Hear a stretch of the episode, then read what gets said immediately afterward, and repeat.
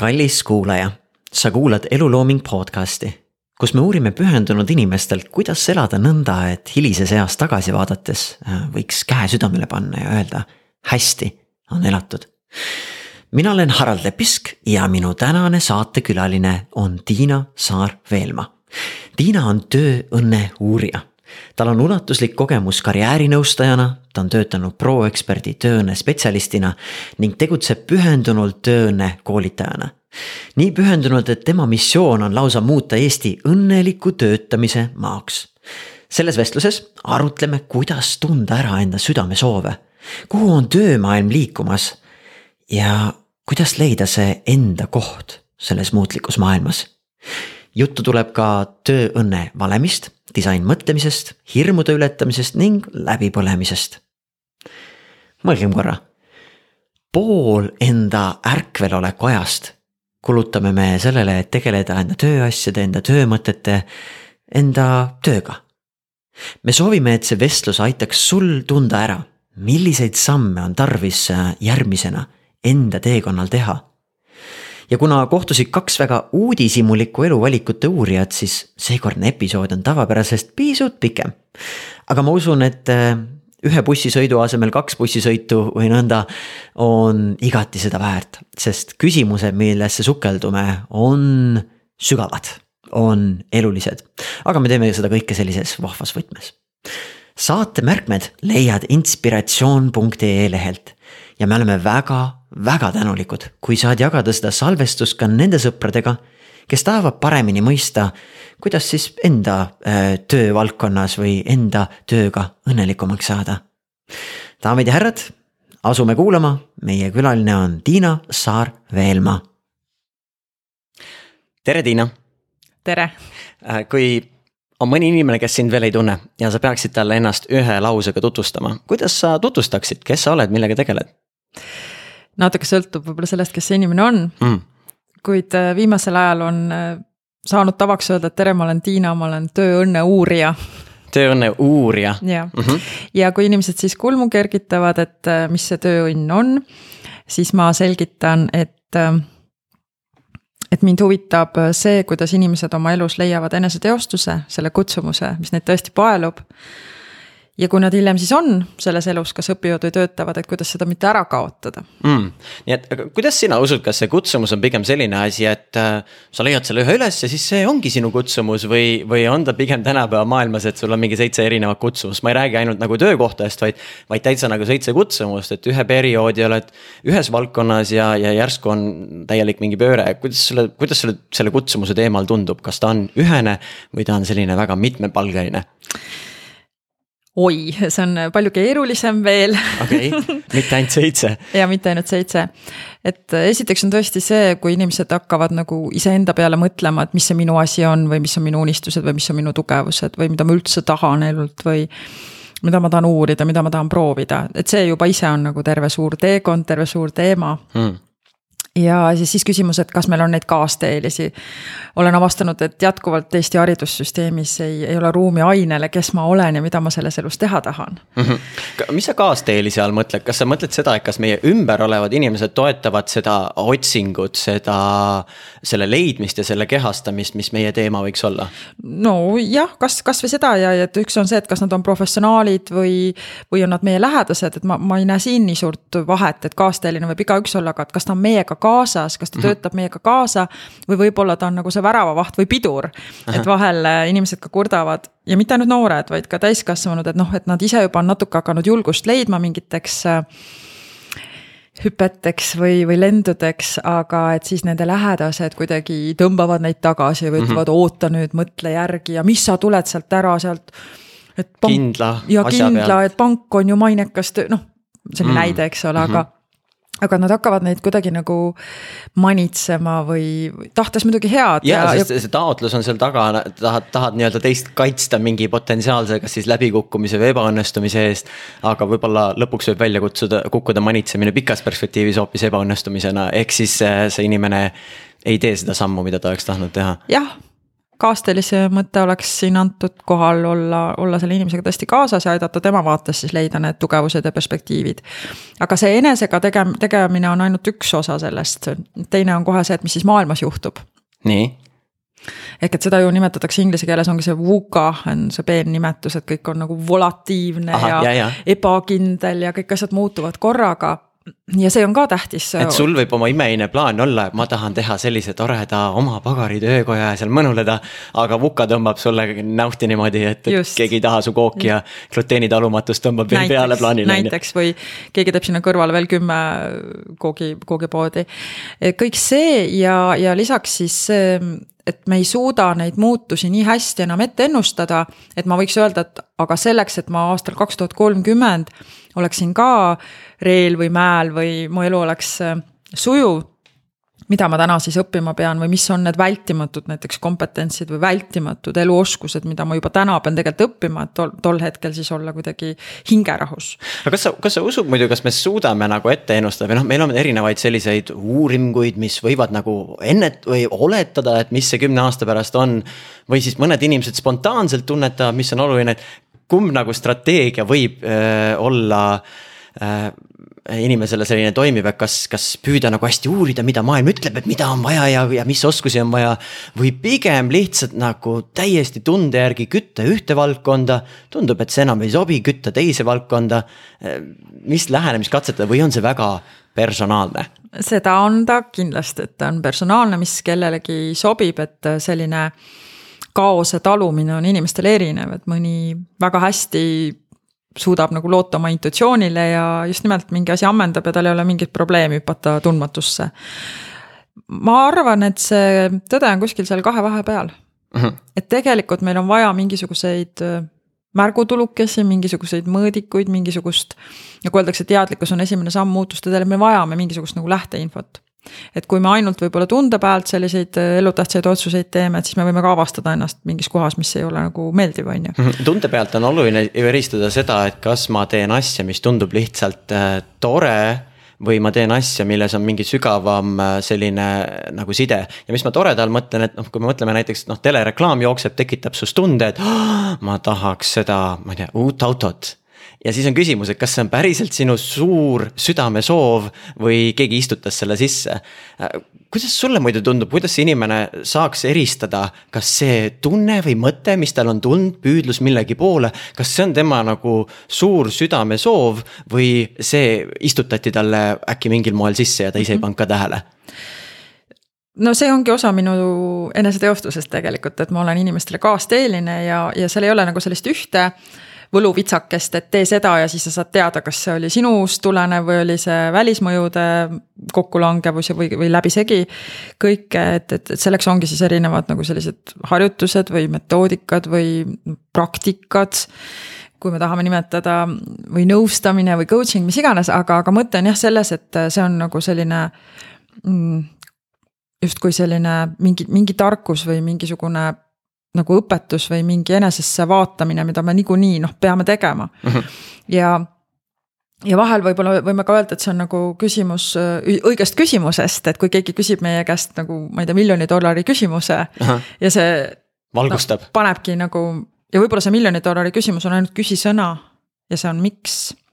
et mina ka vahel olen läbematu ja küsin inimestelt karjääri nõustamisel, olles eelnevalt palunud neil noh ennast analüüsida ja oleme leidnud need unistuste valdkonnad. ja, ja kui nad on need ära kirjeldanud, siis ma ka küsin, et aga miks see sind paelub mm? -hmm. miks sa seda tahad, no ta näiteks ütleb, et no ma tahan sellepärast ma tahan sellepärast ähm, olla loodusmatka juht, et mulle meeldib, mulle meeldib olla rahus mm, -hmm. mulle meeldib olla inimestest eemal. aga miks sulle meeldib olla inimestest eemal? No sellepärast, et praegu ma olen ainult inimeste sees ja mul on täielikult kopp ees, et tegelikult juba võib vahel teise küsimuse peale, aga vahel selle viienda miks'i peale. me saame teada nagu mingi, mingi asja nagu sügavama. motiivi. motiivi ja ma ei tea, kas see on nüüd hea uudis või halb uudis, aga vahel see võib viia tegelikult lapsepõlve tagasi just selles mõttes, et ma valin erialasid, kus ma saaks tunnustust, mida ma näiteks lapsepõlves ei saanud mm. -hmm või ma tahan minna õigluse valdkonda, sellepärast et minu õiglus sai kohutavalt riivatud, kui ma olin noor. kas need lapsepõlve asjad on meil nagu niimoodi varjatult sees, me nagu ei teadvusta, aga nad mingi impulsina kuidagi kerkivad ja panevad meid mingeid otsuseid tegema mis, mis moodus üldse oleks nagu aru saada nendest, et või, või kuidas ma saan aru, et mis asjad tulevad sellise lapsepõlve puudujäägist või muust, kas on mingeid selliseid. noh, üks variant on mingi teadveloleku treening ja, ja nõnda, aga mis moodused veel, et kuidagi aru saada, et mis mu sees nüüd räägib või mm -hmm. kas see on nüüd see hääl või mm -hmm. see on mingi teine hääl? jaa, äh, noh, siin äh, sellised ähm, äh, mõned psühholoogid ütleks, et kõik tuleb lapsepõlvest okay. ja. või kõik jamad lähevad lapsepõlvest aga ka head asjad -hmm. viivad otsapidi sinna, aga õnneks siis tänapäeval on noh, öeldakse, et see on nagu osaliselt seotud selle positiivse psühholoogia võidukäiguga ka. et avastati, et inimestes on ka helged tunded ja me saame neid uurida, me saame nendega tegeleda. et me ei pea ainult kaevama siis seal selles pimedas pooles, kus on juba see häda on juhtunud või on mingi hälve või, või depressioon või nii edasi mm. -hmm. aga aga tulles nüüd selle juurde, et kas, et kuidas ma saan aru, et, et mis siis nagu on sealt lapsepõlvest või mitte. et need on jällegi iseenesest sellised mõtisklused, mina ka küsin, et. et kelleks sa siis väiksena saada tahtsid mm? -hmm no vahel inimesed ütlevad, no ma tahtsin, ma ei tea, politseiks, võib-olla ma tahtsin kosmonaudiks, no mis see nüüd annab, ma enam ei taha ju. kes sul oli see, kelleks sa lapsena tahtsid saada mm,? ma kasvasin Rakveres ja mu ema oli näitleja tol ajal, kui mina olin pisike ja siis äh, ma olin päris palju üksi, mis tähendas seda, mul ei olnud siis tol ajal veel õde, kes sündis kuus aastat hiljem minust. aga ma mäletan, et ma olin Rakvere teatri taga suures pargis ja õpetasin partidele laulmist et äh, ja, ja kuna ma nägin seda teatrielu, et ma ei osanud seda sõnastada, aga nagu mulle tundus, et see peab olema midagi nagu loomingulist. Tegelikult hästi palju ilmselt meie, kui meil on äh, inspireerivad vanemad, siis tõenäoliselt nad natuke juba äh, kitsendavad meie seda mhm. suunda ära, et tekib tunne, et ma tahan ka midagi sarnast teha, sest oled, kui sul on hea suhe enda vanemaga, siis sa automaatselt nagu. oi, ta on tore inimene mm,, järelikult ma võiksin ka midagi sarnast teha, siis must kasvab ka tore inimene. jah, jah ja, ja siis äh, see teine, mis sa ütlesid, et kuidas me saame nagu teada, et mis lapsepõlves mõjutab, siis äh, me võime uurida, et okei okay,, võib-olla ma ei mäleta tingimata neid ametikohti, aga mis mänge ma mängisin. mida mu vanemad tööks tegid ise. hästi informatiivne mõelda just, et mida nad siis tegid, kui ma laps olin. milliseid ameteid pidasid ja eriti oluline küsimus on, millised väärtused ma sain kodust kaasa ehk mida see nende kasvatus mulle justkui nagu üritas õpetada. kas seda harjutust võiks lihtsalt mõelda nagu, et mis on see, mida ema-isa mulle lapsena tihti ütlesid ja proovida need asjad kirja panna ja, või, või on veel tiibimaks kuidagi? no võib veel sügavamaks mõelda sellega, et äh, kuidas nad oma eluga eeskujuks olid või mm -hmm. hoiatuseks. mida ma väärtustasin nende juures või mis mind häiris nende mida juures? Nad üritasid mulle kaasa pakkida et mm -hmm. näiteks äh, väga paljudel, kes on nüüd sündinud või pidanud laps olema ka nõukogude ajal, tuleb ikkagi see, et no töökus et hästi palju peab tööd tegema, sa pead nagu oma eksistentsi välja teenima, sa pead. noh, tihti ongi, et töö on tähtsam kui pere näiteks mm -hmm. või, või, või ise hakkama saamine. ja nad toovad ja ma ise ka olen seda pikka aega teinud, toonud selle välja kui oma nagu suure tugevuse. aga kui sa ühel hetkel avastad, et, et see, et sa oled äh, elus võtnud hästi palju kohustusi või nagu hästi suurt vastutust pöörab ühel hetkel sinu vastu või, või sa ei taju enam ära, et sa oled nii-öelda treeninud ennast justkui liiga suurte raskustega mm. -hmm et noh, siis see lõpeb jälle nagu läbipõlemisega. nii et ma arvan, et see väärtuse küsimus on äh, hea küsida endalt, olla aus, et mida vanemad üritasid mulle kaasa anda. nii heas kui halvas ja mida ma oma lastega teisiti teeksin. nii et siit tuleb kohe see äh, see tegelik, et vahel, kui sa küsisid, et kas me nagu järgime seda lapsepõlve noh, nii-öelda koodi, et vahel ka mm, näiteks ma olen näinud või kogenud lugu, oma klientidel lugusid, kus äh, nad on nagu selle muutuse ees, et ma pean seda uut asja tegema, aga neil kodus ei olnud ühtegi eeskuju. võtame, et ema oli hästi, ma ei tea, mingi konservatiivsel erialal ja võib-olla isa ei leidnud ennast elus või, või olid seal vanemate vahel ka probleemid, et ta ei näinudki seda mudelit oma lapsepõlves, et kõik see, mida ta tahab, ta peab ise ehitama nüüd kivi kivilt ja see, see vanemate mõju on vist eelkõige noh, sellepärast karm, et ta vanemate mõju on meil sellel perioodil olnud, mis on vorminud meis nagu sellise esmase vundamendi.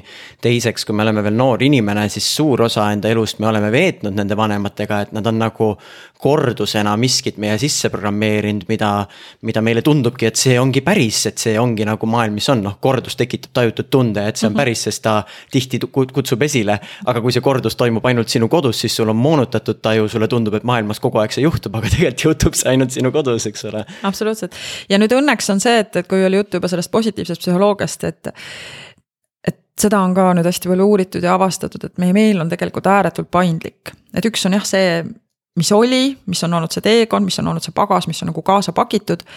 ja sellest teadlikuks saamine annab kindlasti mingeid uusi tugevusi, eks ole, mingeid uusi võimalusi, võib-olla vabastab meid millestki.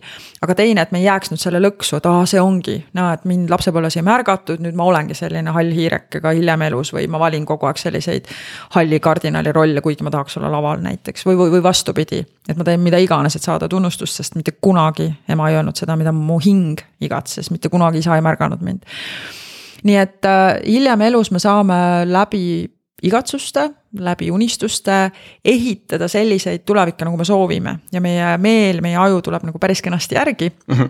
ja, ja need ressursid äh, siis nagu tekivad, on ju. -hmm. ja siis noh, kujunevad mingid uued sellised seosed ja kui need saavad piisavalt palju jõudu. Siis, siis need saavad olema domineerivad, kuigi võib juhtuda, et mingitel nõrkushetkedel sa kipud uuesti mingisse ajuvõrgustikku tagasi sattuma, kus on mingid muud mälestused, aga. aga see, mida sa enamasti igapäevaselt kordade lood, see, see hakkab ja. domineerima. kas sa tead, kuidas ma olen nagu sellele jälile saanud või näpu peale saanud, et ma olen ka õpetanud kunagi seitse aastat koolis noori mm -hmm. karjääri planeerimise valikainet. ja siis mingis hetkes ma lasin neil teha sellise Äh, analüüsi, et äh, ütleme, kolm kuni viis unistuste ametit, mida sina tahaks pidada, kui pole geograafilisi, raha ega oskuste teadmiste piire selles mm -hmm. elus mm, -hmm. nii, tuli nimekiri. Äh, teine tulp, mida su vanemad tahavad, et sa teeks yeah. tegelikult, tuli teine tulp ja siis kolmas tulp ja mida ühiskond tahab, et sa teeks. ja usu ei, aga need on täiesti erinevad. täiesti erinevad jah mm, -hmm. ja, ja, ja noh, ta võib olla ma mõtlen, et kas need teised tulbad, kui sa mõtled, mida ühiskond tahab, et kas ta võib ka olla tõene, mida ühiskond tahab või see noh, omakorda võib ka olla mõnes mõttes moonutatud mingi oletusena, aga põnev fakt on jah see, et, et nad tulevad erinevad ja. mis siis teha, kas siis peaks nagu panema nagu kombo kokku, et natuke siit, natuke sealt, et natuke ühiskonnale, natuke no, vanematele vist otseselt ei pea või, või ma ei tea. kumb on tähtsam, vanemad või ühiskond? no noh, jah, tore, kui sealt leiduks mingisugune selline mõistlik kesktee, et mm. -hmm. et inimesed nagu ei justkui ei taha reeta ka oma perekonda või, või noh, keegi ei, vahel inimesed ütlevad, jah, ma tahaks olla rantija ja ma ei tahakski midagi teha, ma tahaks ainult reisida, ma tahaks ainult tegeleda toredate asjadega, aga. aga noh, kuskilt see näitab ka sellist küpsust, et, ähm, et andmine ja, ja mm, -hmm. ja võtmine mõju. peab olema nagu tasakaalus, et et mida ma saan ja mida ma nagu annan või et see väärtuse loome, et mingil hetkel me hakkame ikkagi tegelema nende küsimustega, et mis on see minu eneseteostus. aga võib-olla me ei peagi nagu muretsema, et kas praeguses eluetapis kõik on olemas, kui me teadvustame endale, et praegu on see eluetapp a la, et, et sul on mingi eluetapp, kus sa nüüd otsustad aasta aega lihtsalt täiega rokkida ja sa ei ole nagu äh, ühiskonna teenimise nimel, vaid sa nagu kogu, kogu elamust, mis sul on, ma ei tea, noh, mhm. selline väike keskajakriis nii-öelda no,. ja, ja siis, siis on mingi teine periood, kus sa pühendad ennast ja. hästi just kellegi teenindamisele, aga et sa teadvustad, et see on see aasta või see on see periood, kus ma kütan seda täiega mm. -hmm. et ma ei tea, kas muidu terviktasakaal nagu niimoodi ideaalis ta toimib, et ma nüüd kõike katan, et ühiskonnale ja endale suurt rõõmu ja niimoodi kogu aeg. ma arvan, et ühiskond on ähm, rohkem õnnelik, kui inimene on õnnelik et tegelikult me, me, eriti meie siin laiuskraadil ja meie ajajärgus, kus me elame, kes me oleme rohkem pidanud nagu allutama oma vaba tahet sellele, mida siis tahab see ühiskonnakord või, või mida tahavad mõisnikud oleme hmm. nagu äärmuslikud, eks. et, et see on nii värske et meie praegu heas mõttes, kui siin öeldakse, ma ei tea, noored on lumehelbekesed või, või mässajad, rebelid. et, et see on see areng käib ka tihti läbi äärmuste, et meil on vaja natuke kogeda seda, seda vaba, seda võimaluste rohket äh, ajajärku selleks, et siis leida nii-öelda nagu see uus, uus tasakaal on ju, et, et ta ei ole jah, nagu ähm,. Noh, selles mõttes nagu, aga, aga ma küsin nüüd niimoodi, et kas, kas sa tahaks minna arsti juurde, kes ise ei tahtnud arstiks saada, aga ta vanemad käskisid mm? -hmm. ta võib muidugi olla teoorias väga professionaalse väljaõppega ja teha kogu protsessi ja, ära. arstieetika ei luba nagu. tal olla, aga siis kas sa tahaks, tahad sa osta poes kaupa, kus teenindab müüja, kes ei taha sentimeetrikesel kassas istuda? Mm, no siis on automaatkassa jah. jah, et tegelikult me jõuame sinna, et igas mõttes on kurb mm, -hmm. kui mhm. inimene teeb mingit tööd, noh, ta teeb seda lihtsalt sellepärast, et noh, kuskilt on vaja, ma ei tea, haigekassa ja maksud ja mingi palk on vaja saada, aga noh. ja see on ka raiskamine, et tegelikult see kahju, mis inimestega juhtub või mõnes mõttes see kahju, mida nad hiljem ka ühiskonnale põhjustavad, kui nad on rollides, mis neile ei sobi või kohtades, kus neil ei ole hea on tegelikult mõõtmatult suurem. no kui mõelda näiteks kassapidajale, kes iga päev nagu sisemas on nii vihastab ja tunneb, et inimesed aina muutuvad vastikumaks, et miks ma pean siin olema mm. -hmm. kõige suurem kahju on ilmselt, mis see sisekõne tekitab ja milline nagu tunnetus tekib ja ühel hetkel, kui kui, äh, kui ta sellest rollist välja astub, siis ta on tegelikult endale nii püsivaid nagu uskumusi või mõtteid sisse tekitanud, et. tal on raske minna sinna seda enda ägedat kirge teha ja seal särada, sest, sest need kuidagi need muud veendumused mm -hmm. on niimoodi äh, kaasas, et võib-olla see. see on tõsi ja, ja kui sa küsisid, et mis need harjutused, et on, mina lasen ka inimestel nagu analüüsida läbi isiklike väärtuste öö, oma seda noh, nagu soovi, et, et mis siis on need põhiväärtused, millele see minu eneseteostus peab vastama. ja siis ma lasen neid äh, välja mõeldud väärtusi hinnata siis näiteks üks kuni kümme skaalal, et juhul, kui nad praegu juba töötavad mm, -hmm. et kuidas seal need on tagatud. ja, ja siis, kui see skoor tuleb seal näiteks, ma ei tea, viis või alla selle kümne skaalal siis see tegelikult see annab juba märgu, et, et see ongi nagu kaldunud sinna justkui sinna miinuspoolele mm. -hmm. ja kui inimesed väga pikalt on sellises justkui ebarahuldavas või mitte kooskõlalises või seal on mingi hõõrdumine, siis tegelikult nende eneseusk hakkab seal juba kahanema. ehk mida kauem ma pean ennast justkui suruma, olema kuskil, kus mul ei ole hea, seda vähem ma endasse usun. seda vähem sa usud, et sa suudad sealt välja tulla mm. -hmm. Mm -hmm. ja siis, ja siis on tegelikult lõpuks see ei olegi nii-öelda vangis, vaid sa oled oma mõttevangis. et sa ei olegi, et keegi sunnib sind seal olema, vaid sa oled ise. lihtsalt see illustreeriv lugu sellest, kuidas elevandile, väikesele pandi see ketiga ta külge ja muudkui ta seal kõndis ja lõpuks, kui kett ära võeti, et siis ta, oli vist elevandi lugu, et siis ta väga nagu ei kippunudki ära minema, ta uskuski, et peabki seal pulga lähedal olema. -hmm. et, et selline huvitav mõttevangina. hüppame korraks sellesse teemasse, et äh, Äh, et kui sa kirjeldasid, et noorte lumehelbekese põlvkond või selline püsivus. ja need on nagu kaks aspekti, üks aspekt on teha neid asju, mis on huvitavad ja kui tuleb mingi muu huvitav asi, siis teha seda muud asja. aga kui me mõtleme meisterlikkusele ja mingil alal nagu väga heaks saamisele siis see eeldab nagu sellist pühendunud pingutust ja mitte võib-olla kõige tingimata nauditavamat või meeldivamat, et praegu täna, täna oli koolitus just äh, sporditreeneritele ja siis arutlesime, kuidas nagu noored äh, võiksid sellised noh, pühenduda ja püsivad olla. mitte, et ei vajuks see esimene vau-efekt ära ja siis, siis kipub ära minema. mida nüüd selle tasakaaluga teha, et kui üks suund ütleb, et jah, kui süda ütleb sinna, siis sinna, aga kui teine aspekt ütleb, et, äh, et kui ma tahaksin ikkagi sellist äh, tulemust mingis valdkonnas saavutada, et endal on ka äge tunda, et vaata kui äge, ma ikkagi noh, ikka juba midagi sain luua või ma tunnen, et on noh, midagi sellist äh, vääriline tulemus. kuidas seda tasakaalu nende kahe asja vahel leida, et mm? -hmm. jaa, no seda kurdavad ka tööandjad, eks ole, et äh, mida nooremaks äh, kandideerija läheb või, või töötajad, seda kärsitum ta on, seda vähem ta tahab püsida juba aasta ja neil on nagu lagi käes, liiguvad edasi. et seda peetakse jah, nagu kuidagi omaseks sellele praegusele äh, ajastule või, või ajajärgule, kus me oleme. aga, aga ma olen päri, et, et see on nagu selline kombinatsioon ajast, mida me nagu pühendame sellele, et, et saavutada seda meisterlikkust, on isegi välja arvutatud, siis peab olema nelikümmend tuhat tundi on ju. Mhm. midagi sellist. kui kaheksa tundi iga päev teha, mis ta siis tuleb? ma ei tea, ükskord ma vist arvutasin mingi. nelikümmend tuhat tundi, okei, ma ei hakka praegu arvutama. no ikka seal kümne aasta ligi vist oli jah okay..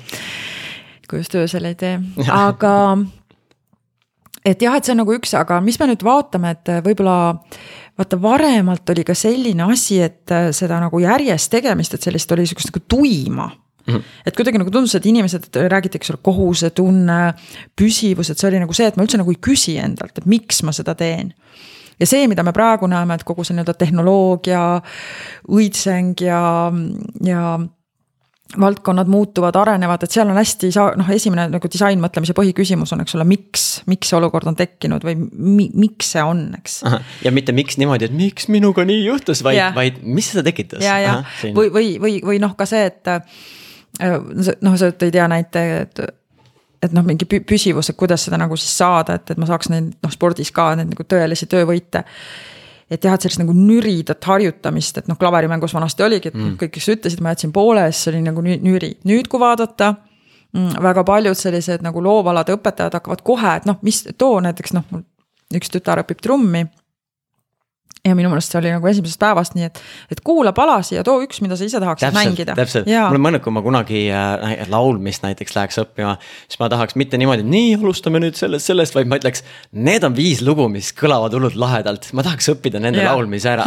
võtame need käsile ja, ja, ja teeme neid ja see oleks nagu parem lähenemine, sest muidu enne kui ma jõuan nende ägedate lugudeni, võib-olla see teekond tundub, et ma ei ole kindel, kas see laulmine üldse ja. nii lahe on. täpselt ja noh, seda seostatakse ka selle voo seisundiga, et, et, et jah, jah, et, et ülesanne, mille ees me seisame, peab olema meile piisavalt põnev, aga me peame nagu tundma, et see on ka nagu saavutatav.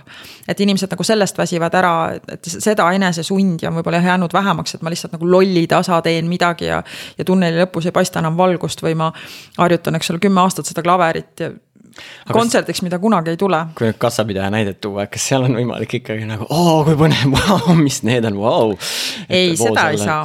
ja vot siin on nüüd see, ma ei tea, kas sa oled näinud seda filmi Before the bridge, enne silda, mis on seitseteist minutit pikk ja võitis tohutuid auhindu, mis siis räägib sellest, et milliseks töö muutub mm. -hmm kogu siis selle tehnoloogia ja digitaliseerimise ja infoühiskonna mõjul ja, ja seal käsitletakse just siis, see on Ameerika nagu näitel, et teatud piirkonnadeks, kus oli tööstus ja inimesed olid nagu hästi püsivad, on nüüd jäänud tühjaks, see on nagu täiesti tühera maa, on ju. ja kus inimesed räägivad, et noh, et olid ajad ja meil oli siin tore elu ja, ja ja käisime siin tööl ja kõike nii ja nüüd need töökohad kadusid ära, siis tuli masin, eks ole, võttis meie töö ära. noh, väga aktuaalne teema igal pool praegu. ja siis sinna kõrvale tuleb ka see pool, et äh, need inimesed, kes seal töötasid seal tehases, see oli neile üle jõu käiv, paljud surid, eks ole, vähk, kõik, mis seal need kahjulikud järelmõjud, eks ole, tervisehädad, see ja teine ja kolmas-neljas, et noh okei okay,, et see on ka nagu romantiseeritud, et ei, ei nagu ei nähta seda selle noh, nagu hinda on ju, et mis me siis maksime selle eest ja siis seal jõutakse ikkagi toredasti seitsmeteist minuti jooksul selle avastuseni, et inimene tegelikult ei pea tegema noh, tööd, mida võib ära teha masin tema eest, et me ei pea nii-öelda teesklema seda, et jah, me tahame luua väärtust mm. -hmm. aga et me peame neid inimesi nagu aitama luua väärtust sellisel viisil, et nemad ka noh, nii-öelda nende väärikus ka kasvaks või nemad muutuksid ka ilusamaks, paremaks ja targemaks. et tuleme nüüd selle poe juurde, näite juurde tagasi. seda tudišpiip ei pea täna tegema inimene, see on selge mm. -hmm. seda nüridat liigutust küll aga võiks see inimene olla meil abis, abis seal lettide vahel, kui meil on pea laiali otsas, et issand jumal, teil on siin kakssada sorti juustu, palun aidake mind, et milline sobib selle salatiga, mida ma just täna plaanisin valmistada mm. -hmm. et inimene peab alati saama teha midagi, kus on kontakt teise inimesega. kus on just kontakt, loovus, millegi uue loomine, millegi uue väljamõtlemine, jah, me peame neid inimesi võib-olla valmistama täiesti teistmoodi ette mm. -hmm. me peame neid toetama teisel viisil, me peame neid sinna aitama, et nad julgeksid aga et see on see tulevik, millest me ei pääse. kui, kui mängida korraks ühe mõttega, et kui, kui tendents on seal, et on mingi grupp inimesi, kes, äh, kui nad on mingis valdkonnas sees, siis nad võib-olla teevad nii-öelda noh, topeltkoormusega igasugu action'it ära, nad on nagu nii sinna sukeldunud ja siis on mingi inimesi, kes võib-olla, kui masinad hakkaks tööd tegema, siis nad mõnuga pigem nagu ei teeks midagi. Äh, aga, aga kuidas sulle tundub, mis juhtub siis, kui kui ütleme, masinad teevad töö ära, mis tähenduse see inimene endale siis leiab või. et mõnes mõttes äh, töö on selline hea distsiplineeriv asi, et siis sul ei tule nagu väga rumalaid mõtteid, et mida veidrat asja oma elus teha, et see hoiab sind nagu tegevuses või rakkes. mis siis juhtub, kui ütleme, masinad suure osa inimeste tööst ära teevad ja, ja rakendust on vähematele, ma ei tea, kas me peaks niimoodi tegema, et kõigil on kaks tundi päevas tööd ja siis sa tuled ja teed ja siis oot-oot, ei tee enam, nii, teine tahab ka tööd teha. mõtle, mõtle, kui me jõuaksime nagu ühel päeval sinna staadiumisse, kust läheb inimesi nagu eemale tõmmata, et oot-oot-oot, lase nüüd, Mati tahab ka tööd teha yeah.. et kas, kas see võiks nagu, sest, sest me nagu sellega kogeme mingil moel, et me saame nagu kasulikud väärtused olla, aga kui me võtame inimeselt selle mm. võimaluse ära, mis siis inimesest saab mm.? Ehm, ma, ma ei, meil on, meil on, meil on ju selliseid näiteid ka, eks ole, riikides, kus, kas India vist oli see, kus tuli see. et inimesed saaksid kasulikud olla, leiutati kingavalvur mm.. et nad jätavad mm -hmm. paljudes kohtades kingad ukse taha, siis oli keegi, kes valvas neid kingi mm. -hmm. et jah, et on sellised nagu. sotsiaalsed töökohad. sotsiaalsed töökohad, on meil endalgi oli ju see reisisaatja ja mm, -hmm. et sellega ma olen jumalast päri, et inimesed äh, vajavad seda tunnet, et ma nagu loon väärtust, et ma ainult ei nii-öelda nagu ei tarbi, aga on ju räägitud, eks ole, nagu kodanikupalgast, et kui mul mingi baas, et meie ühiskond on niimoodi korraldatud, et, et justkui on nagu mingisugune kodanikupalk siis mina sellepärast küll ei karda, et neid valdkondi, mida siis äh, lahendada, kui me oleme ära kaotanud nagu need nüridad tööd. jaa, absoluutselt, eks ole mm -hmm., praegu ka no kuulge, kliima soojenemine, kõik, mis on seotud, osad valdkonnad praegu järjest ju laienevad, eks ole. see, et mhm. meil on selline infoühiskond, et, et inimestel on nagu väga palju probleeme seoses mhm. sellega, et milliseid valikuid teha, kuidas mitte läbi põleda, meditsiini äärealad, kõik ennetavad, mm, edendavad valdkonnad, eks ole, tänu sellele arenevad, meil on vaja disainida mänguväljakuid sajaaastastele sest eluiga pikeneb, meil on vaja mõelda nagu välja selliseid teenuseid, kus. -hmm ja need on asjad, mida me ei suuda praegu absoluutselt ette näha, et mis Just, kümne aasta pärast. sellist nagu inimkesksemat äh, jätkusuutlikut ökosüsteemi, jah et neid erialasid isegi praegu noh, ei ole nagu või see, mida järjest avastatakse juurde, ruum, eks ole, ruumipsühholoogia, ruum mõjutab inimest, mida see tähendab. et väga palju on veel sellist nagu läbimõtlematust ja, ja kõik see muutub ja tekivad lihtsalt täiesti uued alad ja ma olen seda meelt, et äh, jah, teatud selline rutiin võib olla isegi meditatiivne, et me jah, teeme mingisugust, et ja, ja on inimesi, kellele see jätkuvalt sobib mm, -hmm. ma pigem seisaksin selle eest, et inimesed saaks teha seda, mis neile sobib mm. -hmm. mis neile sobib niimoodi väljundina. sa oled uurinud äh, sellist tööõnne, tööõnne formulat, valemit ennast, kas sa oled ähm,. ma küsiksin võib-olla nõnda, et see, mis sa oled äh, uurinud, täheldanud, kas äh, sinu enda tööõnne valem on äh, sellega kenasti nagu samasugune või kooskõlas või, või on seal mingeid, tegelikult tõenäoliselt on nad samad, eks ole, uurija ikka on natuke nagu kallutatud sinna suunda või. aga stardime selle küsimusega, jaa jaa, see on huvitav, ma praegu nüüd mõtlen nagu uue pilguga sellele, et. et see tööõnne valem ei tekkinud lihtsalt, et äh, istusin ülikoolis ja sügasin oma imaginaarset habet ja siis mõtlesin, et hmm, et mis teemal võiks teha, teeks tööõnne valemist, et see tuli ju tõesti välja seitsmeteist aasta praktika käigus kui inimesed siis kogu aeg kirjeldasid mingeid igatsusi, mis neil on. ja siis mind hakkas väga huvitama, et kust see siis nüüd tuleb ja miks sellised igatsused ja üks oli selline jälje jätmise soov, et, et väga sellised virtuaalsed või abstraktsed või, või sellised ähm, noh, nagu kuidagi võib-olla väga palju suhtlemist ja askeldamist nõudvad töökohad, aga millest õhtul oli tunne, et no aga mis siis nüüd valmis sai. mis on enamus arvutiga töötavaid äh, Just. töökohti, kus ja. sa e-kirjad saadad ära ja mm. sa ei näe, kuhu need e-kirjad läksid, sa ja. võid küll enda sent item'it vaadata ja endale püüda sisendada, et jaa, ma tegin täna palju asju, aga, aga et enamus on virtuaalne. just ja siis äh, noh, pikk jutt, eks ole, ma teen lühidalt, et hakkasin uurima ja siis tuli tõesti välja, et mis, miks inimestel on selline vajadus, et see on natuke seotud ka meie aju ehitusega, et kuna evolutsiooni käigus töö oli väga füüsiline ja kui koopamees mammut minutit tappis, siis tema sai oma vajalikud õnnehormoonid sellest aktist kätte. et ma ei tea, dopamiinid ja muu, eks ole mm. -hmm. ja tuleb välja, et see justkui see vajadus on inimesel siiamaani ikkagi olemas ja nüüd, äh, mis siis juhtub nende virtuaalsete tööde puhul, on see, et inimesed siis lähevad oma aiamaadele, rajavad aia, restaureerivad tooli või no hakkavad kuidagi nagu kompenseerima seda, on ju, et, et ja, või, või. midagi ta... nagu füüsilist just, luua on siis see vajadus, midagi, mida püsivat, ma näen nagu püsivat, püsivat.. Mm -hmm. et näiteks vahel raamatupidamises ka küsitakse, et, et noh, et aga meil on ju finantsaruanne, aga see järgmine aasta on vaja uuesti teha või kuuaruanne on, et kõik, mis läheb nagu kordusesse millest ei jää sellist nagu tähenduslikku, spirituaalset või mõttekat jälge, noh, okei okay,, mis üldse on püsiv, võib nii ka küsida, on ju. Mhm, aga mhm. mingi igatsus, et vot nagu tahaks nagu lastelastele öelda, et no mina tegin või, või selle algatasin mina. ja kui ma hiljem teadustööd kirjutasin ja uurisin sinna juurde siis kõikvõimalikke äh, paradigmasid, filosoofiat, siis tõesti see leidis kinnitust, et ongi nagu sellise spirituaalse komponendi nagu ihalus või see nagu tähenduse loomine nagu. et see võib olla ka jah, mingi legend või et ma, ma muudan midagi nagu ma ei tea, maailmas, eks ole, millest ma saan hiljem Nobeli preemia, aga, aga et noh, see peab olema siis tõesti selline nagu noh tugev lugu või tugev narratiiv või noh, parem, et ta on nagu kuidagi füüsiline. ja kui sa küsid, et kuidas selle komponendiga minu elus on, et siis ma olen kirjutanud kuus raamatut noh, see on asi. tunned, et jaa, meil on siin üks mitte... raamat on ja. Tööga õnnelikuks on, kes mhm. tahab lugeda, see on kaks tuhat kuusteist aastal ilmunud raamat, et saab piiluda. aga no see, see on nüüd siis eriala poolest, et, et mingi nagu justkui ja see ei olnud ka selle mõttega, et nüüd ma tahan midagi käega katsutavat, et ma kirjutan no,, ma ei mõelnud, ma ei mõelnud. mis tunne on, et raamat on niimoodi väljas, kas on tunne, et nagu mammut on niimoodi kenasti? aga oli, tõesti mm -hmm. oli jah, ja üks nendest kuuest on ju lasteraamat ja ma ei tea, miks, aga see kuidagi see eriti pani mu hinge helisema millegipärast, just see lasteraamat.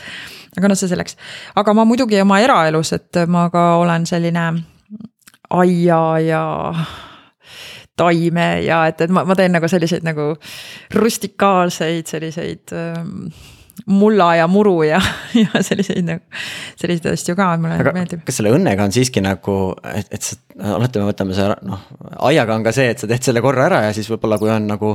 mitte väga püsik taim, siis ta mm -hmm. mingi hetk nagu hääbub ja mm -hmm. siis sa mhm. pead uue tegema, et. et aga, et ega selle õnnega vist sellist varianti ei ole, et ma teen nüüd aasta aega rasket tööd ja elu lõpuni olen õnnelik või, või, või et see vist niimoodi ei toimi, me peame nagu, et kui me ühe asja ära teeme, et siis me vajame nagu mingit järgmist mäge. ja, ja ta ongi selline nagu püsiv protsess, et selles mõttes võib-olla on siis otstarbekas väga suure mäe asemel teha palju väiksemaid mägesid, mida nagu vallutada.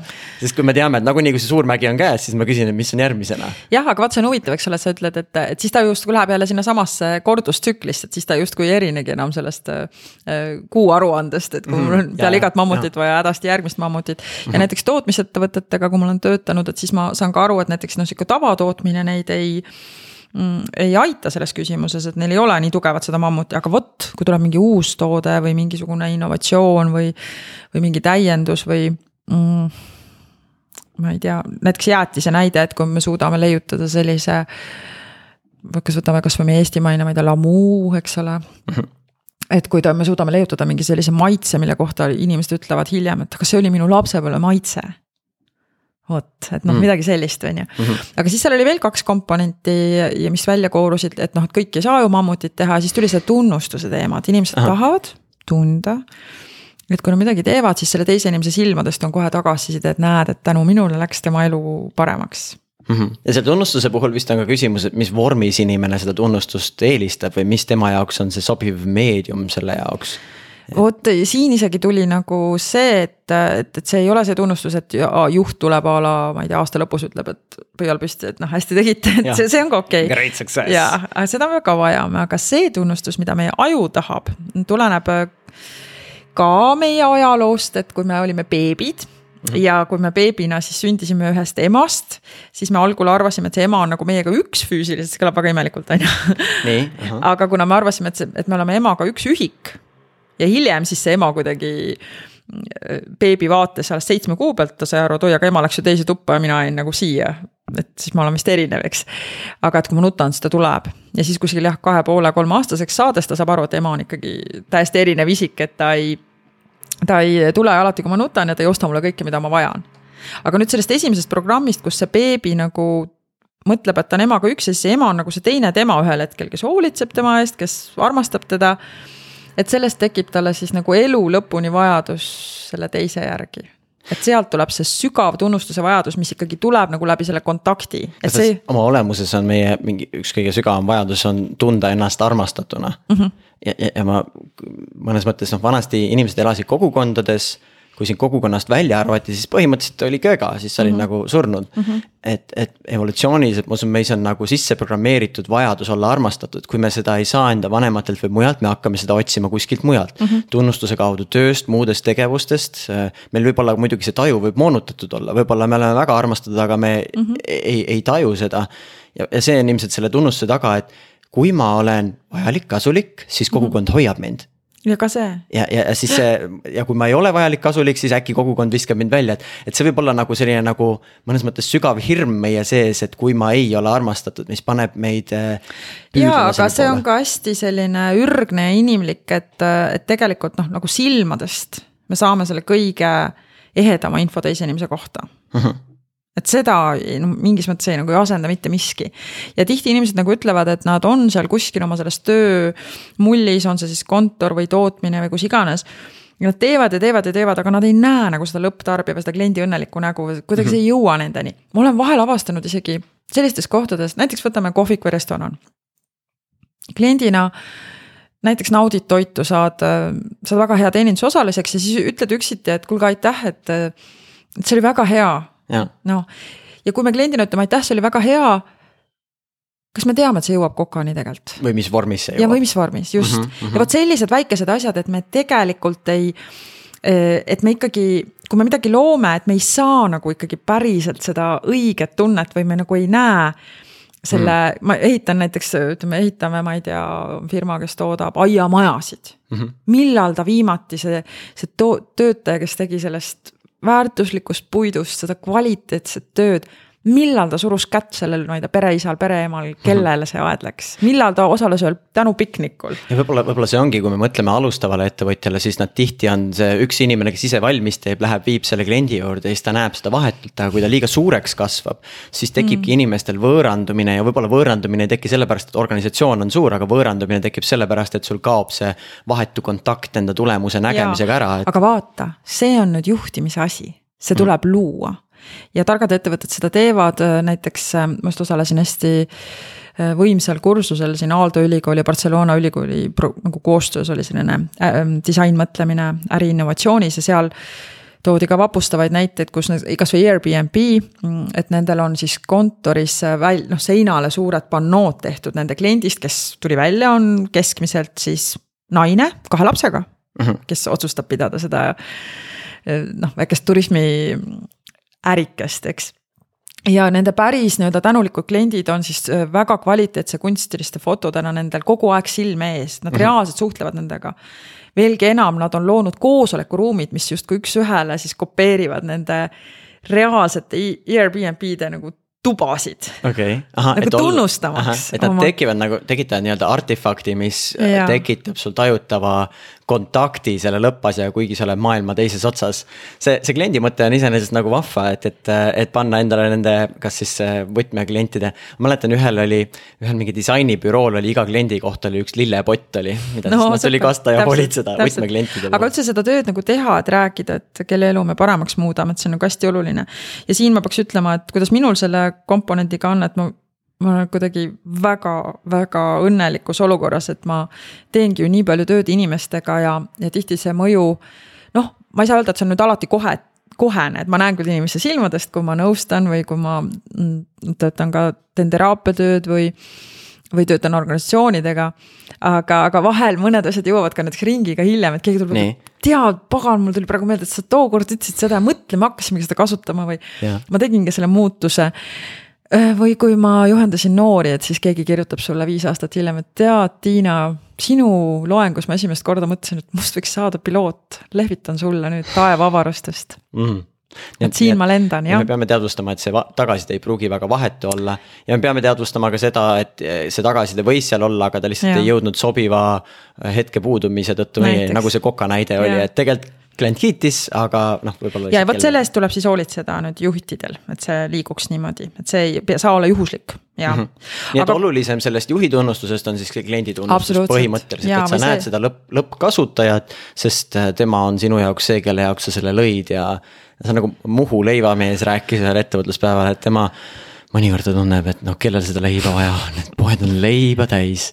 Aga siis ta läheb ja viib mõnedele klientidele, kes on tellinud leiba ja, ja siis kliendid on nii rõõmsad, sest tunneb, on küll leiba vaja.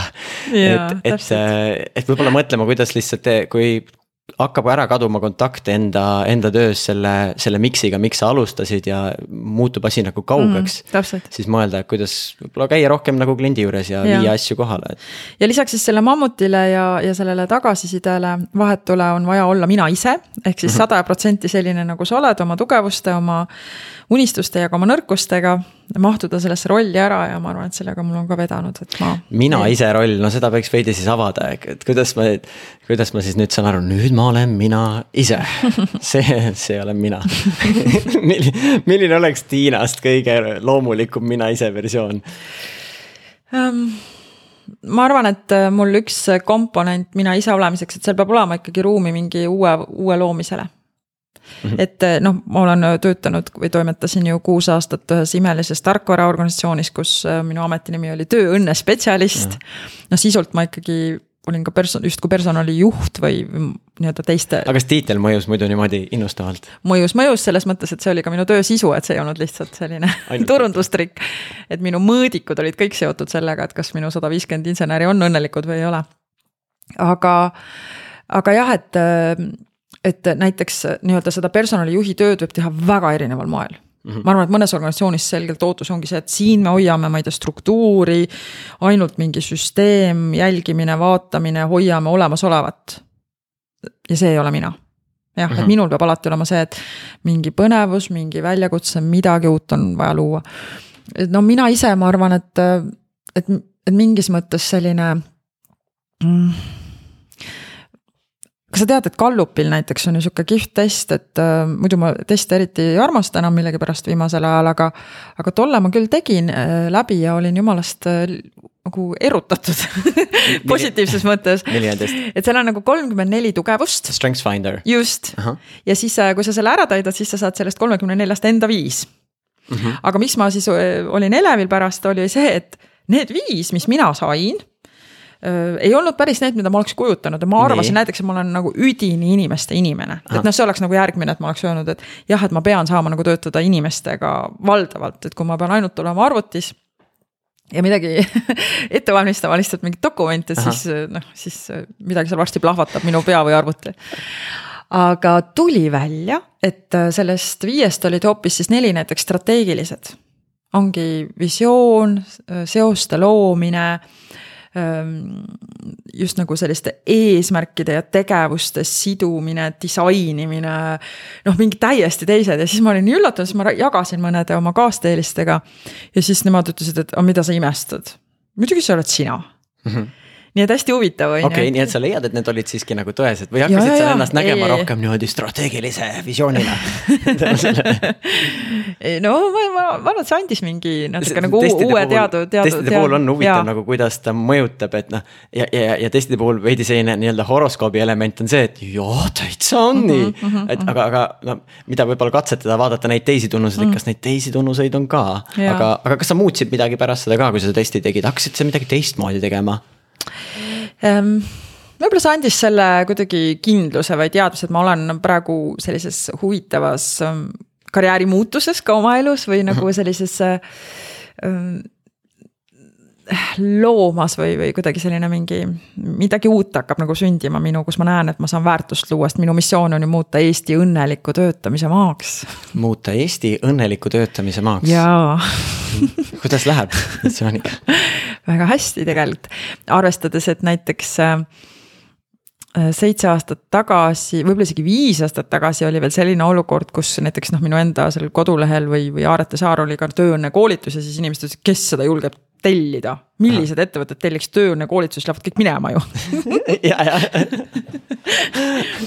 aga et noh, et sellest vaadates juba on nagu suur muutus, et et see on muutunud väga nõu-, nõutud, nõutud koolituseks ja, ja kuidagi see retoorikasse on nagu sisse noh, tekkinud, et, et jah, et töö rahulolu on midagi, mis on elementaarne. põhimõtteliselt öeldaksegi, et see oli kuuekümnendad, seda ei ole mõtet mõõta, aga, aga on sellised nagu kõrgemad dimensioonid, mida inimesed tegelikult nagu justkui püüd, püüdlevad või, või vajavad, on ju. kas, kas see, kui sa oled enda jaoks sõnastanud enda missiooni, et muuta Eesti just, kuidas see oli, töö. õnneliku töötamise maaks. õnneliku töötamise maaks. kuidas sa tajud, kuidas selline endast kõvasti suurema missiooni sõnastamine mõjub sinu igapäevasele võimekusele, sooritusele ja, ja võib-olla mm -hmm. sinu mhm. eesmärkidele, unistustele, on, on sellel, kas sa oled selle kuskil niimoodi suurelt seinale ka kirjutanud või? ma, ma seinale otseselt ei ole seda kirjutanud, aga kuidas see nagu mul on alati, vot see on ka osa minust, et mul on alati vaja teha asju nagu mõttega Mm -hmm. et näiteks äh, mul võib olla vahel ka raskusi, et kui mõned ettevõtted kutsuvad mind nagu noh, ka õnneks mul on küll täiega veab, et organisatsioonid, kellega ma hakkan tööle koos või meil on nagu see ühine tee minna või me teeme mingit. teenuse disaini, organisatsiooni disaini, mis iganes või kes võtavad meie seda tarkvara kasutada, mis on see uue ajastu juhtimistarkvara. ütle tarkvara nimi ka, et kuulaja saab seal guugeldada äh,. Happy me on üks ja teine on siis healthy me. Happy me ja healthy me ja, ja punkt, on nad punkt kom või? Nemad on punkt ee, sest me oleme ikkagi ju Happy me ja healthy me punkt ee variandid. aga tead, et kui noh, me hakkame organisatsioonidega tööle või mina hakkan, et siis nad enamasti nagu on justkui sellel lainesagedusel juba, et nad saavad aru, et noh, et me võtame kõik võib-olla pilbasteks lahti ja me hakkame küsima, miks me seda teeme ja kellele me seda kultuuri ehitame ja nii aga vahel mõned ettevõtted, kes on väga tugevalt ikkagi selle noh, ütleme siis nagu, kas ma ei öelda vanamoodne juhtimine, aga nad on hästi selline kontrollikesksed mm. -hmm. et neil peamiselt on nagu ülevalt alla kõik käsud ja, ja ikka need noh noh, kuidas öelda siis nagu keskjuhid on nagu kahe tule vahel ja, ja inimesed on ülekoormatud ja kõike kontrollid, hästi palju võib-olla reegleid, norme ja nii edasi. ja ütleme siis seal teises äärmuses oleks siis selline usalduspõhine, inimkeskne, inimesest lähtuv, mõistlik ja nii on ju, noh nagu võtame nii. ja siis ja kui ja noh, ja, ja tavaliselt me hakkame tööle sellistega, kes ikkagi on teel sinna inimkeskse usalduspõhise kultuuri poole. aga kui on siis ikkagi see konservatiivne, siis vot mina ei ole nõus sellega. et kui mhm. öeldakse, et meil on näiteks vaja, et õpeta meile manipuleerimistehnikaid või et aga meie, ma ei tea, umbes noh, me, meil ei saagi, on ju, et meie, meie tippjuhte see ei huvita. või noh, kuidagi nagu sellised uh, -huh. et me istume seal justkui sellises müüride taga ja. ja lihtsalt ainult näeme põhjusi, miks me ei saa seda teha, sest nii on alati olnud ja. Ja noh, et kus ei väärtustata inimest, et näiteks mul on väga raske, et, et mul peab olema kindlasti nagu see. noh, see suur eesmärk ongi, et inimene on nii väärtuslik, inimene on nii kallis et me peame tegema, me peame looma neid kultuure, me peame nagu koos nagu põhimõtteliselt nagu selle missiooni ära tegema, et seda ei saa mina üksi teha, eks ole, ehkki ma olen nagu nii mõelnud. nii et sa leiad liitlasi, kellega koos Just. seda teha, luua, aga, aga et olles endale selle missiooni andnud, siis sa tuletad meelde, mis ja. asja sa tuled ajama. mitte nagu lihtsalt nii-öelda koolitust läbi viima, vaid, vaid, vaid see mõju on Täpselt. seal taga. ja, ja võib-olla üks remark siia, kui sa küsisid, et mis see minu igapäevale annab, et see missioon on nii suur. et üks reaalne asi ongi see, et kui ma sain aru, et võib-olla seda lugu, et mind tihti kutsutakse ka a la, et tule räägi tööõnnest kolmkümmend minutit, tule räägi tööõnnest nelikümmend viis minutit konverentsil niimoodi rõõmuga mm. -hmm. rõõmuga teen seda ja olen märganud, et äh, võib-olla seda lugu jutustada, miks see on oluline. et äkki see meid noh aitab, on ju, see on tore, see nagu korraks selline ah, on ju, tõesti, ma tõesti, see on see, mida me tahame. aga see ei aita mm, -hmm. tegelikult see ei aita, et nüüd meil on, me seda, seda saame juba aru, miks meil seda vaja on nüüd on rohkem küsimus, kuidas. Ja minu igapäevaelus see tähendab ka seda, et ma hästi otsin selliseid äh, ka praktilisi töötavaid metoodikaid, raamistikke, kuidas olla päriselt organisatsioonidele kaasteeliseks sel teel. kuidas, kuidas sa muidu seda ideid ja, ja neid uh, uusi meetodeid enda jaoks süstematiseerid, et mis on sinu moodus nagu uh, ideede kogumiseks, sünteesimiseks? oh, see oli küll väga keeruline küsimus oi jumal, kas, kas ma eh, kindlasti mul on nagu selline, ma, ma vist ei nimeta seda niimoodi.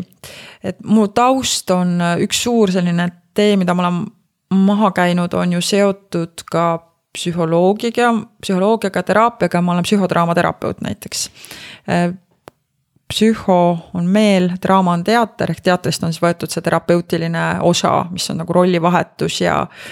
Ja justkui teiste kingades asjadele vaatamine ja rollivahelised suhted ja kõik muu, ühesõnaga väga-väga-väga põnev, väga humanistlik, väga oh, võiks siin sellest eraldi rääkida ja, tund aega. mitte draama halvas mõttes. ja mitte draama mõtle, mõtle korraks psühhodraama. ja, ja, ja, et see kõlab, kõlab nagu kõlab. mingi koduvägivald ja tegelikult on üli, ülivõimas äh, lähenemine. Ja sellelt taustalt sa võtad. ja nagu et, et seal mm, võiks võtta nagu niimoodi, et kui sa küsisid, et mis see süsteem on, et, et sealt tuleb alati see mm,. et ükskõik, mida me oleme loomas, me peaksime nagu panema ennast selle kasutaja kingadesse või selle teise inimese kingadesse, kelle, kellele me loome mm. -hmm. ja, ja, ja, ja, ja osad metoodikad tulevadki nagu selle pealt, et näiteks ma oh, ütleme, kui ma olen ühele koolile näiteks teen aitan strateegiat teha, et siis äh, kindlasti on seal harjutused, kus nad peavad olema õpilase kingades.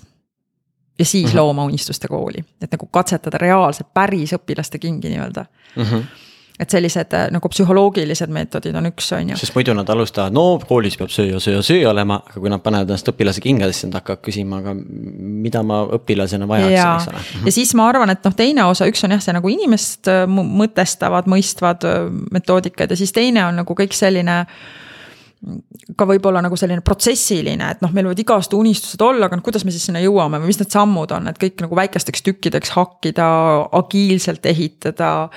näha neid teekondi, visualiseerida igasugused, nüüd ma sain, olen varustatud veel erilistelt maitsvate mudelitega tänu sellele Äh, disainmõtlemise programmile, kust ma just Barcelonast tulin. et seal on ka hästi huvitav, et näiteks sa käid kliendi igatsuse mõttes käid või kasutaja või õpilase, mis iganes, mida ta igatseb mm. -hmm.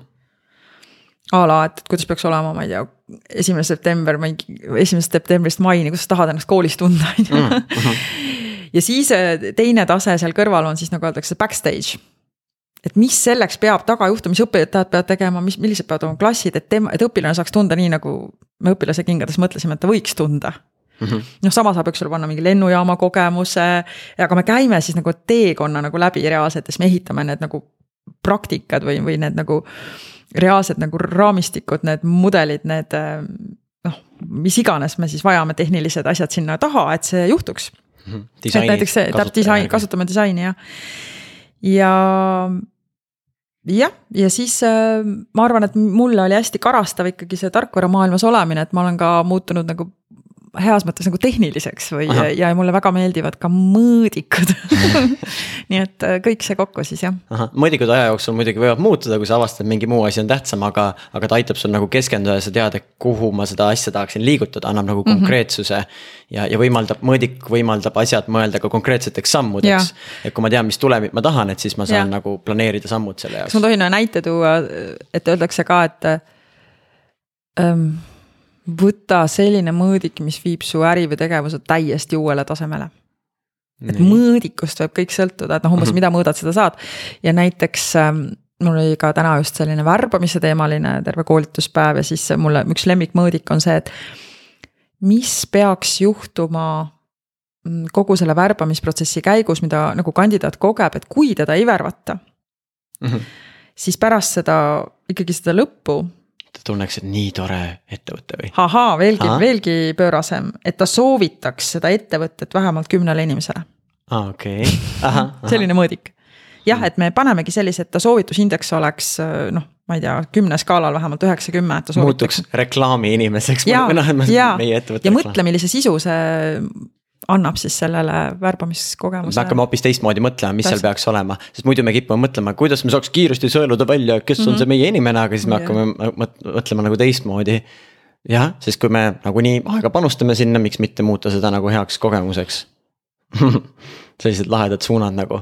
kui korraks sinna missiooni juurde hüpata, kas sul on mingeid soovitusi, kuidas see inimene võiks nagu enda seda missiooni üles leida, mis siis see minu selline suur, suur nagu teema mm. on, et mille, mille nimel niimoodi hommikul superkangelase keep selga panna ja, ja minna toimetama, et. kas see on, või see lihtsalt tuleb või vahemärkusena mulle lihtsalt tundub, et ega, ega seda ei ole universaalselt kuskil väljas, et piisab sellest, kui me enda jaoks ütleme, et või, või valime lihtsalt mingi asja, ütleme, vot.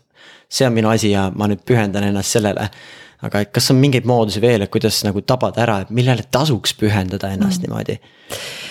Jah, vot see missioon vahel inimesi ka nagu mõnda see isegi heidutab, et oi, et see peab olema nüüd nii suur ja kõik ei taha olla nagu laval ja võib-olla neile sellest varjus olemisest nagu täitsa piisab või see on nagu nende loomulik olek.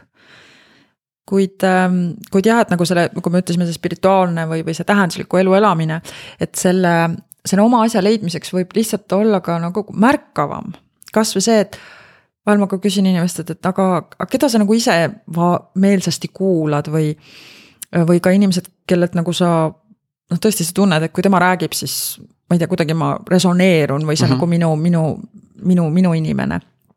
samuti me võime piiluda ka oma, ka oma vaba aja poole või kuidagi nagu sellised hobid, unistused uudised, eks ole, millele meie pilk peale jääb, et mis, mis see asi siis on, on ju. et eluetapiti see muidugi on täiesti erinev olla ja õnneks mm -hmm. nüüd eluiga ju, ma ei tea, kas see on nüüd hea uudis, aga. et eluiga pikeneb, siin juba kolmekümneste põlvkonnale lubatakse sada kakskümmend. sada kakskümmend, nii et ja, ja, ja, ja suhteliselt ka sellist vitaalset elu tulevikus üha enam, et see tähendabki, et inimesed elu jooksul teevad neli või viis eneseteostust.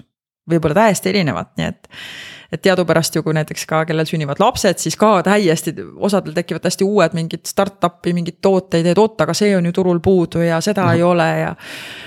või hakkame õppima, siis märkame, et oi, aga et mis asja, et näed, vot see kool, ülikooli haridus võiks teistsugune näiteks olla või ma saaksin siia panustada, nii et, et see elu ise ka on nagu selline noh, täis nagu mõnes mõttes selliseid vihjeid või, või võiks ka hästi lihtsalt mõelda, et ma ei tea, loodus, jaa või ei haridus, jaa või ei mm. -hmm ma ei tea, millegi tootmine ja, ja näiteks nagu. et see ei pea olema jah, tingimata see, et ma tahan nüüd kuula minna, et see võib olla midagi väga lihtsat, võib-olla ma tahangi mm, rohelisemat elukeskkonda ja kasvatan ühte väikest aialapikest. ja noh, see missioon ei pea olema seda, et ta teisi elevile ajab, noh Elon Musk'i mm -hmm. Marsile minek asi ajab paljudel põlved värisema mm, -hmm. jesus nagu mm. -hmm. aga et, et me ei pea mõtlema, et see missioon, et kui ma välja ütlen, siis kõik tunnevad, oi kui kõva, vaid, vaid pigem.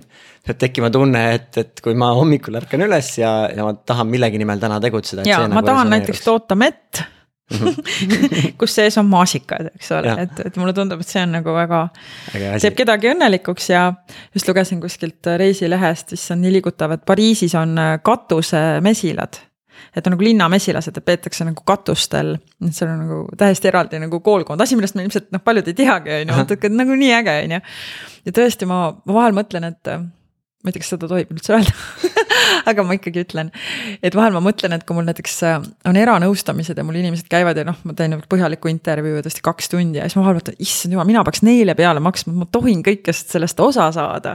lahedad ideed ja. täpselt ja, ja kõik, kus keegi on õppinud ja mis asju üldse olemas on ja keegi uurib, ma ei tea doktoritööna kala selja uimepeegeldust järvevees ja umbes noh, sedasorti asju on olemas, nii et. sa oled vist hästi uudishimulik inimene ka, et, et kui, kui, kui sinu nagu, sinu nagu tegemisi ja tausta mm -hmm. vaadata, siis nagu sind ajavad vist hästi paljud asjad elevile, et vihjena, et, et kuulaja võib piiluda aaretesaar.ee mm -hmm. ja seal on sul portfoolio all Aha. on kogu sinu CV. ja, ja, ja, ja noh, kõik need, kõik need igasugu vahvad valdkonnad, täiendkoolitused, asjad, et ah, ilmselgelt sul on selline tugev tugev uudishimulikkuse geen sees vist, kas see on sulle nagu loomuomane, et kõik ongi nii huvitav, mis toimub või? ei, ma ei tea nüüd, kas, ega kõik ei ole jah, ilmselt huvitav ka.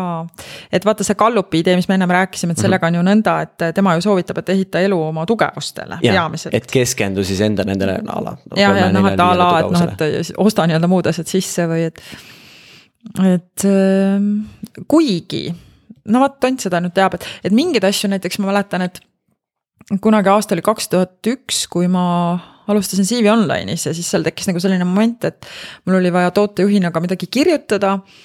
ja siis ma mäletan, et see, see küll sai alguse sellest, et üks kolleeg andis mu kirjatükile päris sellise krõbeda hinnangu. no ikka mm. üsna otse niimoodi ju kahe silma vahele, et mina ei tea, et vist mul oli vist mingid täitsa kirjavead ka seal sees, piinlik mõelda. aga noh, kirjutasin potentsiaalne vist ühe T-ga ja noh, mingid sellised asjad. siis ta ütles, et kuule, et ma ei tea loe rohkem raamatuid või tee midagi oma keelega, et see on nii õudne. ja ma kuidagi niimoodi ah, ja ma mäletan, et see oli vist ka see, et keegi ütles, et, et noh, et mina teen nagu selle kirjatüki valmis, aga alla läheb mingisugune meie guru nimi, et mina olen mitte keegi, et keegi ütles, et mhm. Tiina Saar, see on mitte keegi, mitte keegi sind ei tunne, kedagi ei huvita, sina oled meie tootejuht lihtsalt tooda, tooda sisu, on ju ma mäletan kuidagi nagu midagi nagu kuidagi kihvatas mu sees või et mis mõttes, et ma olen nagu mitte keegi ja et ma ei oska kirjutada. ja siis ma läksin äh, kohe on ju kuidagi tunded läksid püsti, siis ma kohe märkasin, oli siis tol aastal oli. Äripäev korraldas sellist mm, aastast täiendkursust, üliõnnestunud asi. Tiit Hennost oli kursuse vedaja, siiamaani enamus meie kursuslastest on põhimõtteliselt nagu super tegevajakirjanikud, ma ütleks uh. -huh ja, ja siis ma käisin ka selle läbi ja vot jällegi, et, et ma tahtsin nagu kirjutada ja, ja ma, ma hakkasin, et kuidas juhtus, et mul on kuus raamatut, et ma ei saa öelda, et ma sündisin nagu mingi pliiats suus, on ju. aga mingeid asju ma olen kuidagi jah, niimoodi nagu sudinud või. et aga ma tahan siis aru saada, kuidas seda hästi teha või aga kui, kui nüüd sa ei oleks seda kriitikat saanud, sa ei oleks kunagi võib-olla eraldi sinna kooli läinud, sa oleks kirjutanud potentsiaalselt nii, nagu sa kirjutasid ja.... no ma arvan, noh, no siis ma olekski ilmselt hea olnud, vaata aga kui keegi ikka oleks mulle öelnud, ei no nüüd tuleb ka ikka vahel. ja tol ajal tuli ka, et noh, mingile kriitikale sa pead olema kuidagi natuke nagu immuunne ka, et muidu sa ei saa elada ju. kas on mingit, mingit nagu kontrollküsimust, mida küsida, et kas ma peaks selle peale nüüd minema päriselt kursusele ja treenima ennast, et watch me või ma peaksin nagu, et järgmine palun, ühest kõrvast sisse ja teisest välja ehm,.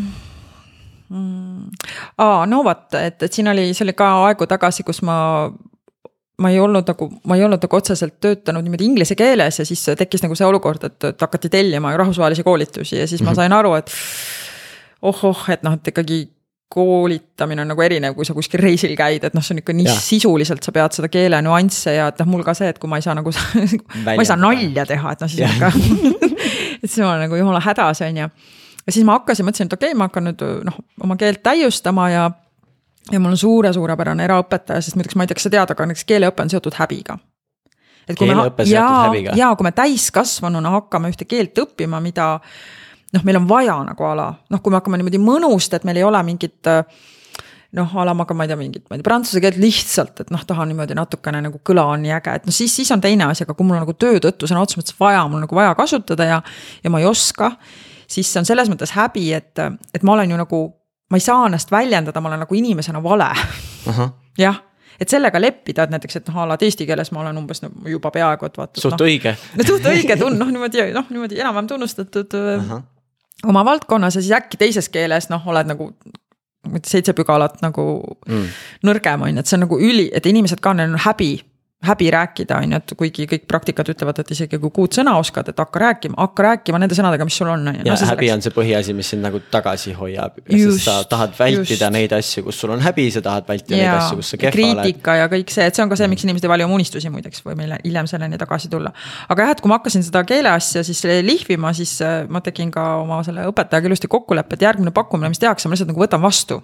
-hmm. mis siis, et ma noh, olen täiesti eba, ebatäiuslik, on ju, aga ma võtan vähemalt vastu ja otsustan, et ma ei vaju häbi pärast läbi lavalaud, laudad, et teen siis ära nii hästi, kui suudan, valmistame ainult selleks ette.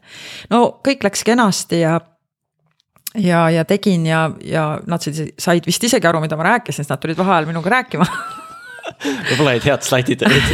jah, olid head slaidid jah. aga mis siis juhtus pärast või noh, ütleme, see ei olnud vist tol koolitusel, aga see oli mingi paar koolitust hiljem. kus ma siis olin juba natuke julgem ja siis ütlesin ja muidugi ma teen ja siis üks, kusjuures vaata kui huvitav kakskümmend osalejat, üheksateist ütlesid, et nagu super hea koolitus ja üks inimene ütles, et noh, et umbes, et koolitaja nagu language skill on nagu average on ju. et, et vist mõned mõtted ei, ei tulnud nagu päris läbi, mida oleks võinud. muidugi ma olin nagu jälle no, täiesti riivatud, on ju südamepõhjani, aga no ei siis.... aga põhimõtteliselt, kui, kui üheksateist oleks öelnud, et kuule, Maru või average või below average, siis sa oleks ilmselt lusikanurka visanud nagu, et põrgu või siis sa oleks ka läinud, jah? sest vaata, kui üks ütleb, siis on nagu mm,, ma lähen teen, aga kui, kui sulle nagu enamus näiteks annaks seda tagasi, et siis võib tekkida nagu see tunne, et et. aga ma arvan, et see on mingi eneseadekvaatsuse küsimus pigem, et kui see mm -hmm. oleks niimoodi, ma, ma ei, ma ei oleks sellisel, siis ma ei võtaks vaata seda vastu, et ma arvan, et see on nagu see, et, et. kas nüüd, noh, võib inimestel ka seda elus juhtuda, et, et ma täiesti ebaadekvaatselt nagu hinnan ennast, võib juhtuda. aga no üldiselt nagu seda, noh, me enam-vähem ju saame aru, eks ole, milleks me oleme suutelised ja, ja milleks mitte aga jaa, et, et, et noh, see on mind küll nagu sudinud nagu edasi arendama ja, ja edasi liikuma, et aga aga üks tore tagasiside seoses kirjutamisega, ma mäletan, et, et seal CV Online'i aegu oli ka, meil oli selline koostöö, kus ma kirjutasin Delfis nagu sellist umbes nädala rubriiki, et kuidas CV-d koostada, seal üldse mul tekkiski siis see, et ma nii palju olen kirjutanud tööteemadel, et võiks siis lõpuks raamatu ülitada ja nii. Aga siis ma mäletan, issand neid kommentaare, keegi ei öelnud mulle, et Tiina, ära kommentaare loe tol ajal nagu, ma lugesin kommentaare ja tol ajal nagu Delfi kommentaat-, noh kuidas seda nimetatakse, mingi Delfi kommentaator on mingi eraldi. eraldi termin, eks ole, Eesti siin me meediaruumis ja siis. ja mind nimetati nagu seal, see oli väga huvitav kurat, pange sellest suu, soolapuhuja suu kinni, on ju. kurat, jälle see soolapuhuja nagu mingi soolapuu, ma ei saanud üldse aru, mis asi see on, mis ma soo-, mis soola ma puhun, on ju. ja siis see oli nagu ja ma lugesin neid ja siis ma ka mõtlesin, et siis ma, siis ma lohutasin ennast sellega, et aga nad ei tea ju. et mul on ju tegelikult nagu head kavatsused ja mm, -hmm.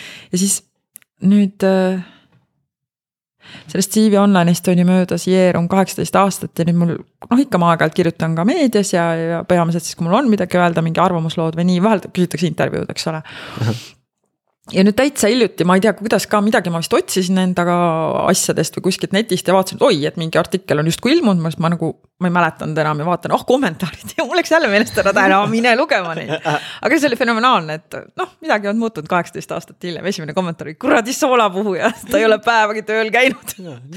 mingu tehku ise ettevõtte, siis näeb. püsifänn on mõni, pole ta nagu kaheksateist aastat andunult oodanud, et millal Tiina kirjutab. ja aga vot ma olen armu, või siis ma suudan nagu armuline mingi, midagi natuke võib-olla kihvata vaatab, aga siis ma mõtlen, aga tegelikult ta ei tea ju. ta ei tea mu elust, ta ei tea mu püüdlustest, et kui ta minuga kohtuks, kui ma saaks talle silma vaadata mm. -hmm. Ja see on, see on lihtsalt jah huvitav tähelepanek, et millisel hetkel me sellisest nii-öelda uksega näkku variandist või, või, või noh, ta ei ole päris uksega näkku, ta on sihuke nagu keegi tuleb ja labakäega tõmbab niimoodi vastu vaatimist, et. siis küsid, et miks nii, aga kui sa suudad enda jaoks sealt just nagu olude kiuste midagi tekitada. kui sa korraks vaatad enda elule tagasi ja kõik need, kõik need nagu eh, jah ütlemised nendele kogemustele, et. kas see on nagu mingi muster, mis sa näed, mis on sind hästi aidanud nagu edasi või mingi, mis on selline võtmetegur olnud, mis on sind muutnud niimoodi uudishimulikuks. mis on võimaldanud sul nii paljudele asjadele öelda jah ja nende jah ütlemiste kaudu avastada mm, -hmm. mille, mis valdkonnas sa võiksid ennast vägevalt veel teostada ja väljendada mm. -hmm. kas see on mingi käivitav muster mm.? jaa, see on huvitav küsimus ka, et,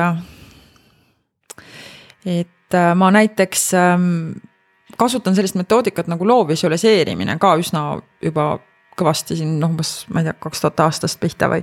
ja seal on nagu niimoodi, et sa visualiseerid, mida sa nagu oma elul tahad ja seal võid suhteliselt suurelt unistada, eraelu, õpingud, töö, ma ei tea, raha, palun väga, on ju. tahad roosat Cadillac'i telli, on ju. Mhm. ma mäletan, mulle sattus üks raamat lihtsalt kunagi kätte, kus ma lihtsalt lugesin seda, mõtlesin ei või olla see ei olnud üldse muideks see, mis hiljem tuli mingi secret või saladus, see ei olnud see, see oli mingi täiesti idamaine mm. -hmm. mul vist isegi see raamat siiamaani riiulis ka ongi loo visualiseerimine, Shakti Quine. jah, jah ja siis ma mäletan, et ma hakkasin neid kollaaže tegema ja siis ma olin nagu nii üllatunud, et kui ma nagu midagi olin nagu mõelnud, igatsenud, et oi et nagu hakkabki kuidagi tekkima see mu ellu või kuidagi nagu tulebki või üldse täiesti noh, täiesti tead, teadmatult hiljem vaatad, et näed mm, -hmm. kuidas see nüüd tuligi, on ju. aga mis siis on nagu olnud see tõukejõud, et ma arvan, et mis mind nagu edasi sudib, et, et ma nagu ühest asjast olen aru saanud, et, et et näiteks keegi võib-olla ei, mõned ei usu, et mul on olnud mingi kohutav esinemishirm, kui mõni vaatab, kuidas ma praegu näiteks esinen või kui mhm. justkui nagu muretu või vaba ma olen või selline rõõmus või noh, nagu justkui naudin või noh, naudingi ise ka seda. aga kunagi, kui ma mäletan, alustasin, mul oli nagu selline, et ma, mul lihtsalt ainult tagus nagu ma kuulsin mu südamerütme oma kõrvades lihtsalt ja mul oli sihuke tunne, mul läheb nagu pilt tasku, mis on muidugi kummastav, sest ma olen tegelenud nooruses päris palju ka sellise teatri ja, ja kõigega, aga ma arvan, et seal nagu käivitus mingi teine asi mm. -hmm. et nüüd ei kaitsenud mind enam roll, vaid ma olingi nagu mina ise nagu minu teadmised, minu nagu seosed, et ma olin nii haavatav või ma olin nii paljas, täpselt on ju. seal inimeste ees ja mul nagu, ma olin õudselt halb kriitikataluja, ma olin nagu nii suhteliselt ikka väga madala enesehinnanguga mingis mõttes ja. ja mul oli sihuke tunne, ma nagu suren ära, ma sulan ära sinna lavale, et ma ei, ma ei taha siin üldse olla ja kuskil ma ei mäleta, kuidas see siis tuli, kui ma nagu hammustasin läbi, et aga ega mul ei olegi mingit tõde ma ei teagi mitte midagi, et no ma hakkasin nagu, et ma nagu loobusin sellest, et. mul peab olema midagi jah, väga ja, unikaalset või võimast. ma olen nagu... siin ruumis kõige targem, ei, ei ole, ausalt ei ole, on ju. ja, ja kuidagi nagu selle noh, arusaamine ka, et. et näiteks mul, ma ei ole selline, kes saaks öelda, et ma lõpetasin nagu kuldmedaliga või.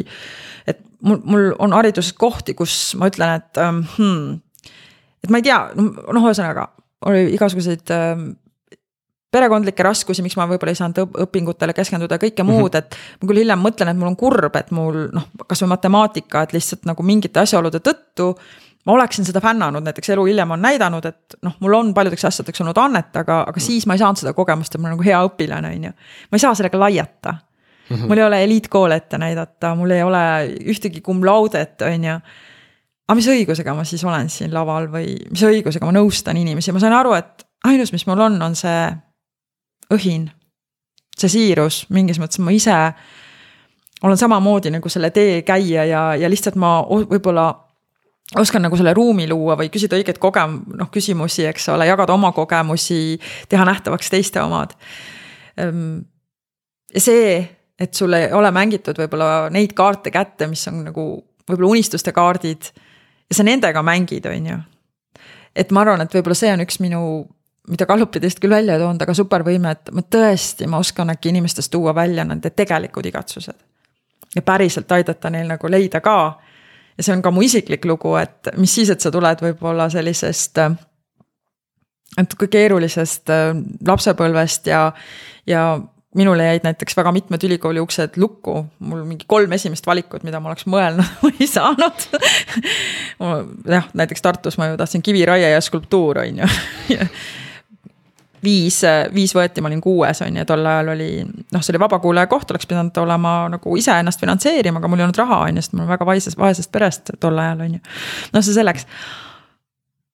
aga et ikkagi, et kui sa nagu kulged ja, ja nagu kuidagi oled ja märkad ja usud ja, ja, ja liigud ja, ja lihtsalt pühendud või, või seesama nagu ma ei tea, väikses printsis, et kui sa nagu piisavalt nagu pühendud ja hoolitsed millegi eest või just seesama, mis sa ütlesid, see uudishimu. et äkki siis see ongi nagu see noh, mis sind edasi kannab. kas sa enda jaoks selle esinemishirmust said nagu niimoodi klõpsu ühe otsusega siis üle või, või kuidagi ajapikku nagu teadvustasid endale, et ma ei pea olema ekspert, ma ei pea olema kõige parem, ma ei pea olema kõiges õige. ja siis võtsid enda jaoks niimoodi aeg, ajapikku neid äh, endas tekitatud pingeid maha.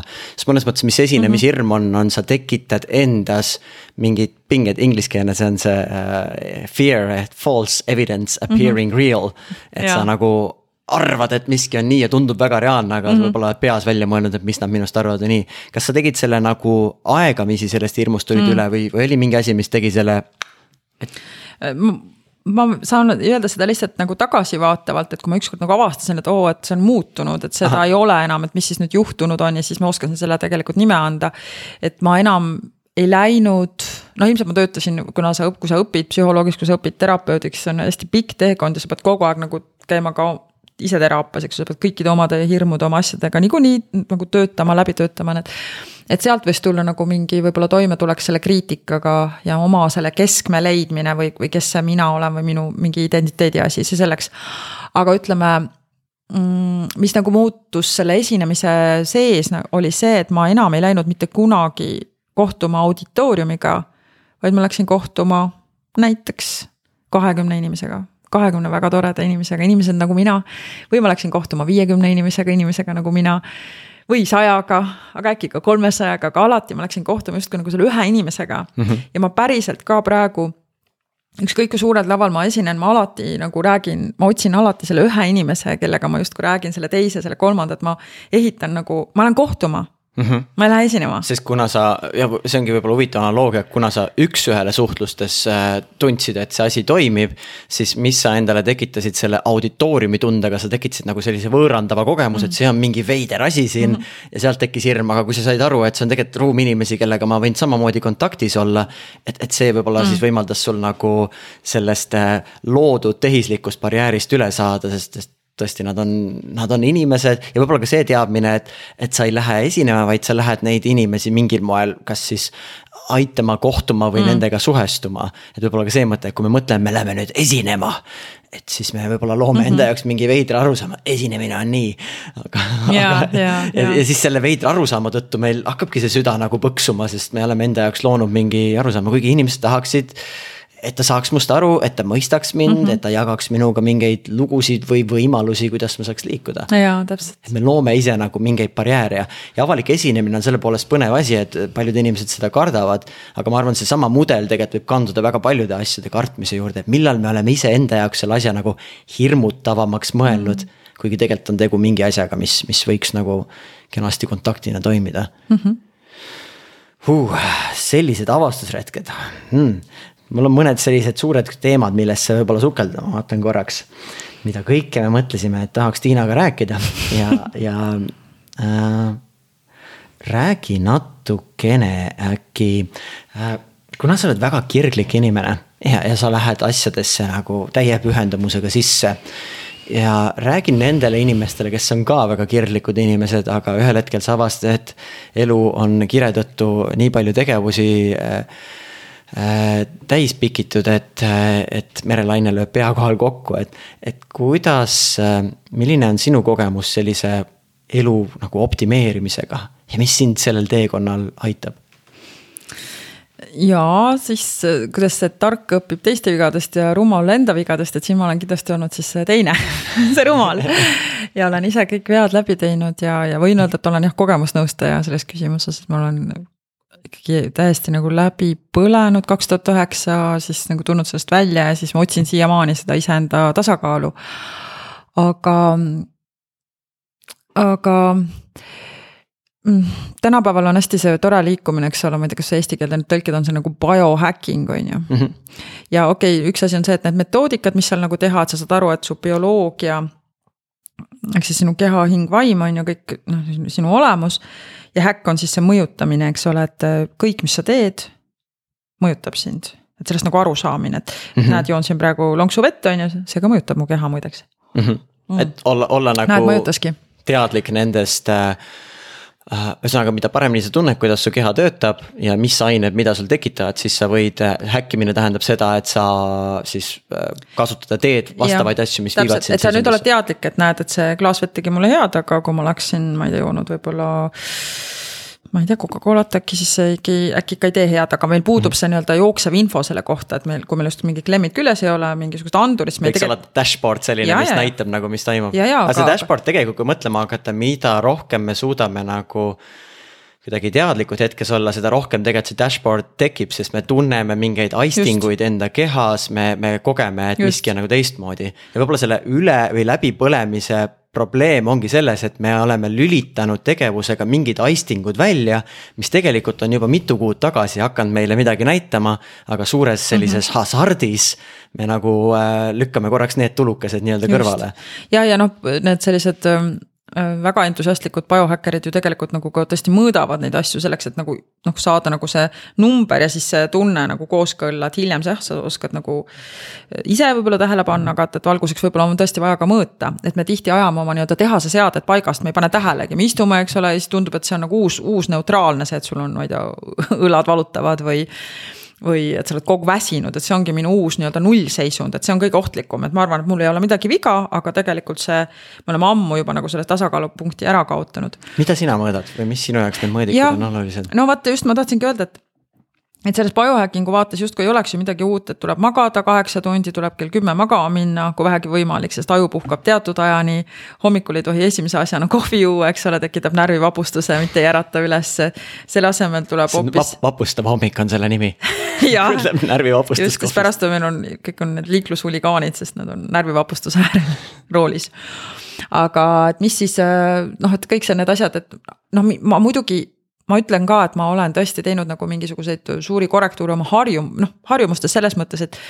et kui vähegi võimalik, siis äh, noh, siis mul on hommikul selline harjumus, et ma kuivharjan ennast ja võtan jääkülma duši. kuule räägi sellest kuivharjamisest, ma nägin mingit filmi, kus ema kuivharjas enda last, pidi olema väga rahustav teraapia, see on hari või mis see kuivharjamine on? oota, ta ütles, et peaks olema jah sihuke naturaalne hari, mitte ja. liiga tugev, et ta nagu ei kahjusta su nahka, aga ta tekitab sellise massaaži tunde okay., et sa lihtsalt nagu vereringet aktiviseerid ja see noh, põhimõtteliselt neid surnud naharakke ja kõike ta nagu stimuleerib. mis tunde see sinus tekitab, kui sa seda koged? no sa lihtsalt tajud oma keha nagu paremini ja see on nihuke mm. hästi nagu hea ja siis pärast seda noh, kui ma kasutan ka seda Wim Hofi neid äh, sügavat hingamist äh, harjutusi, et seal on niimoodi, et sa teed mingid, mingid korrad nagu.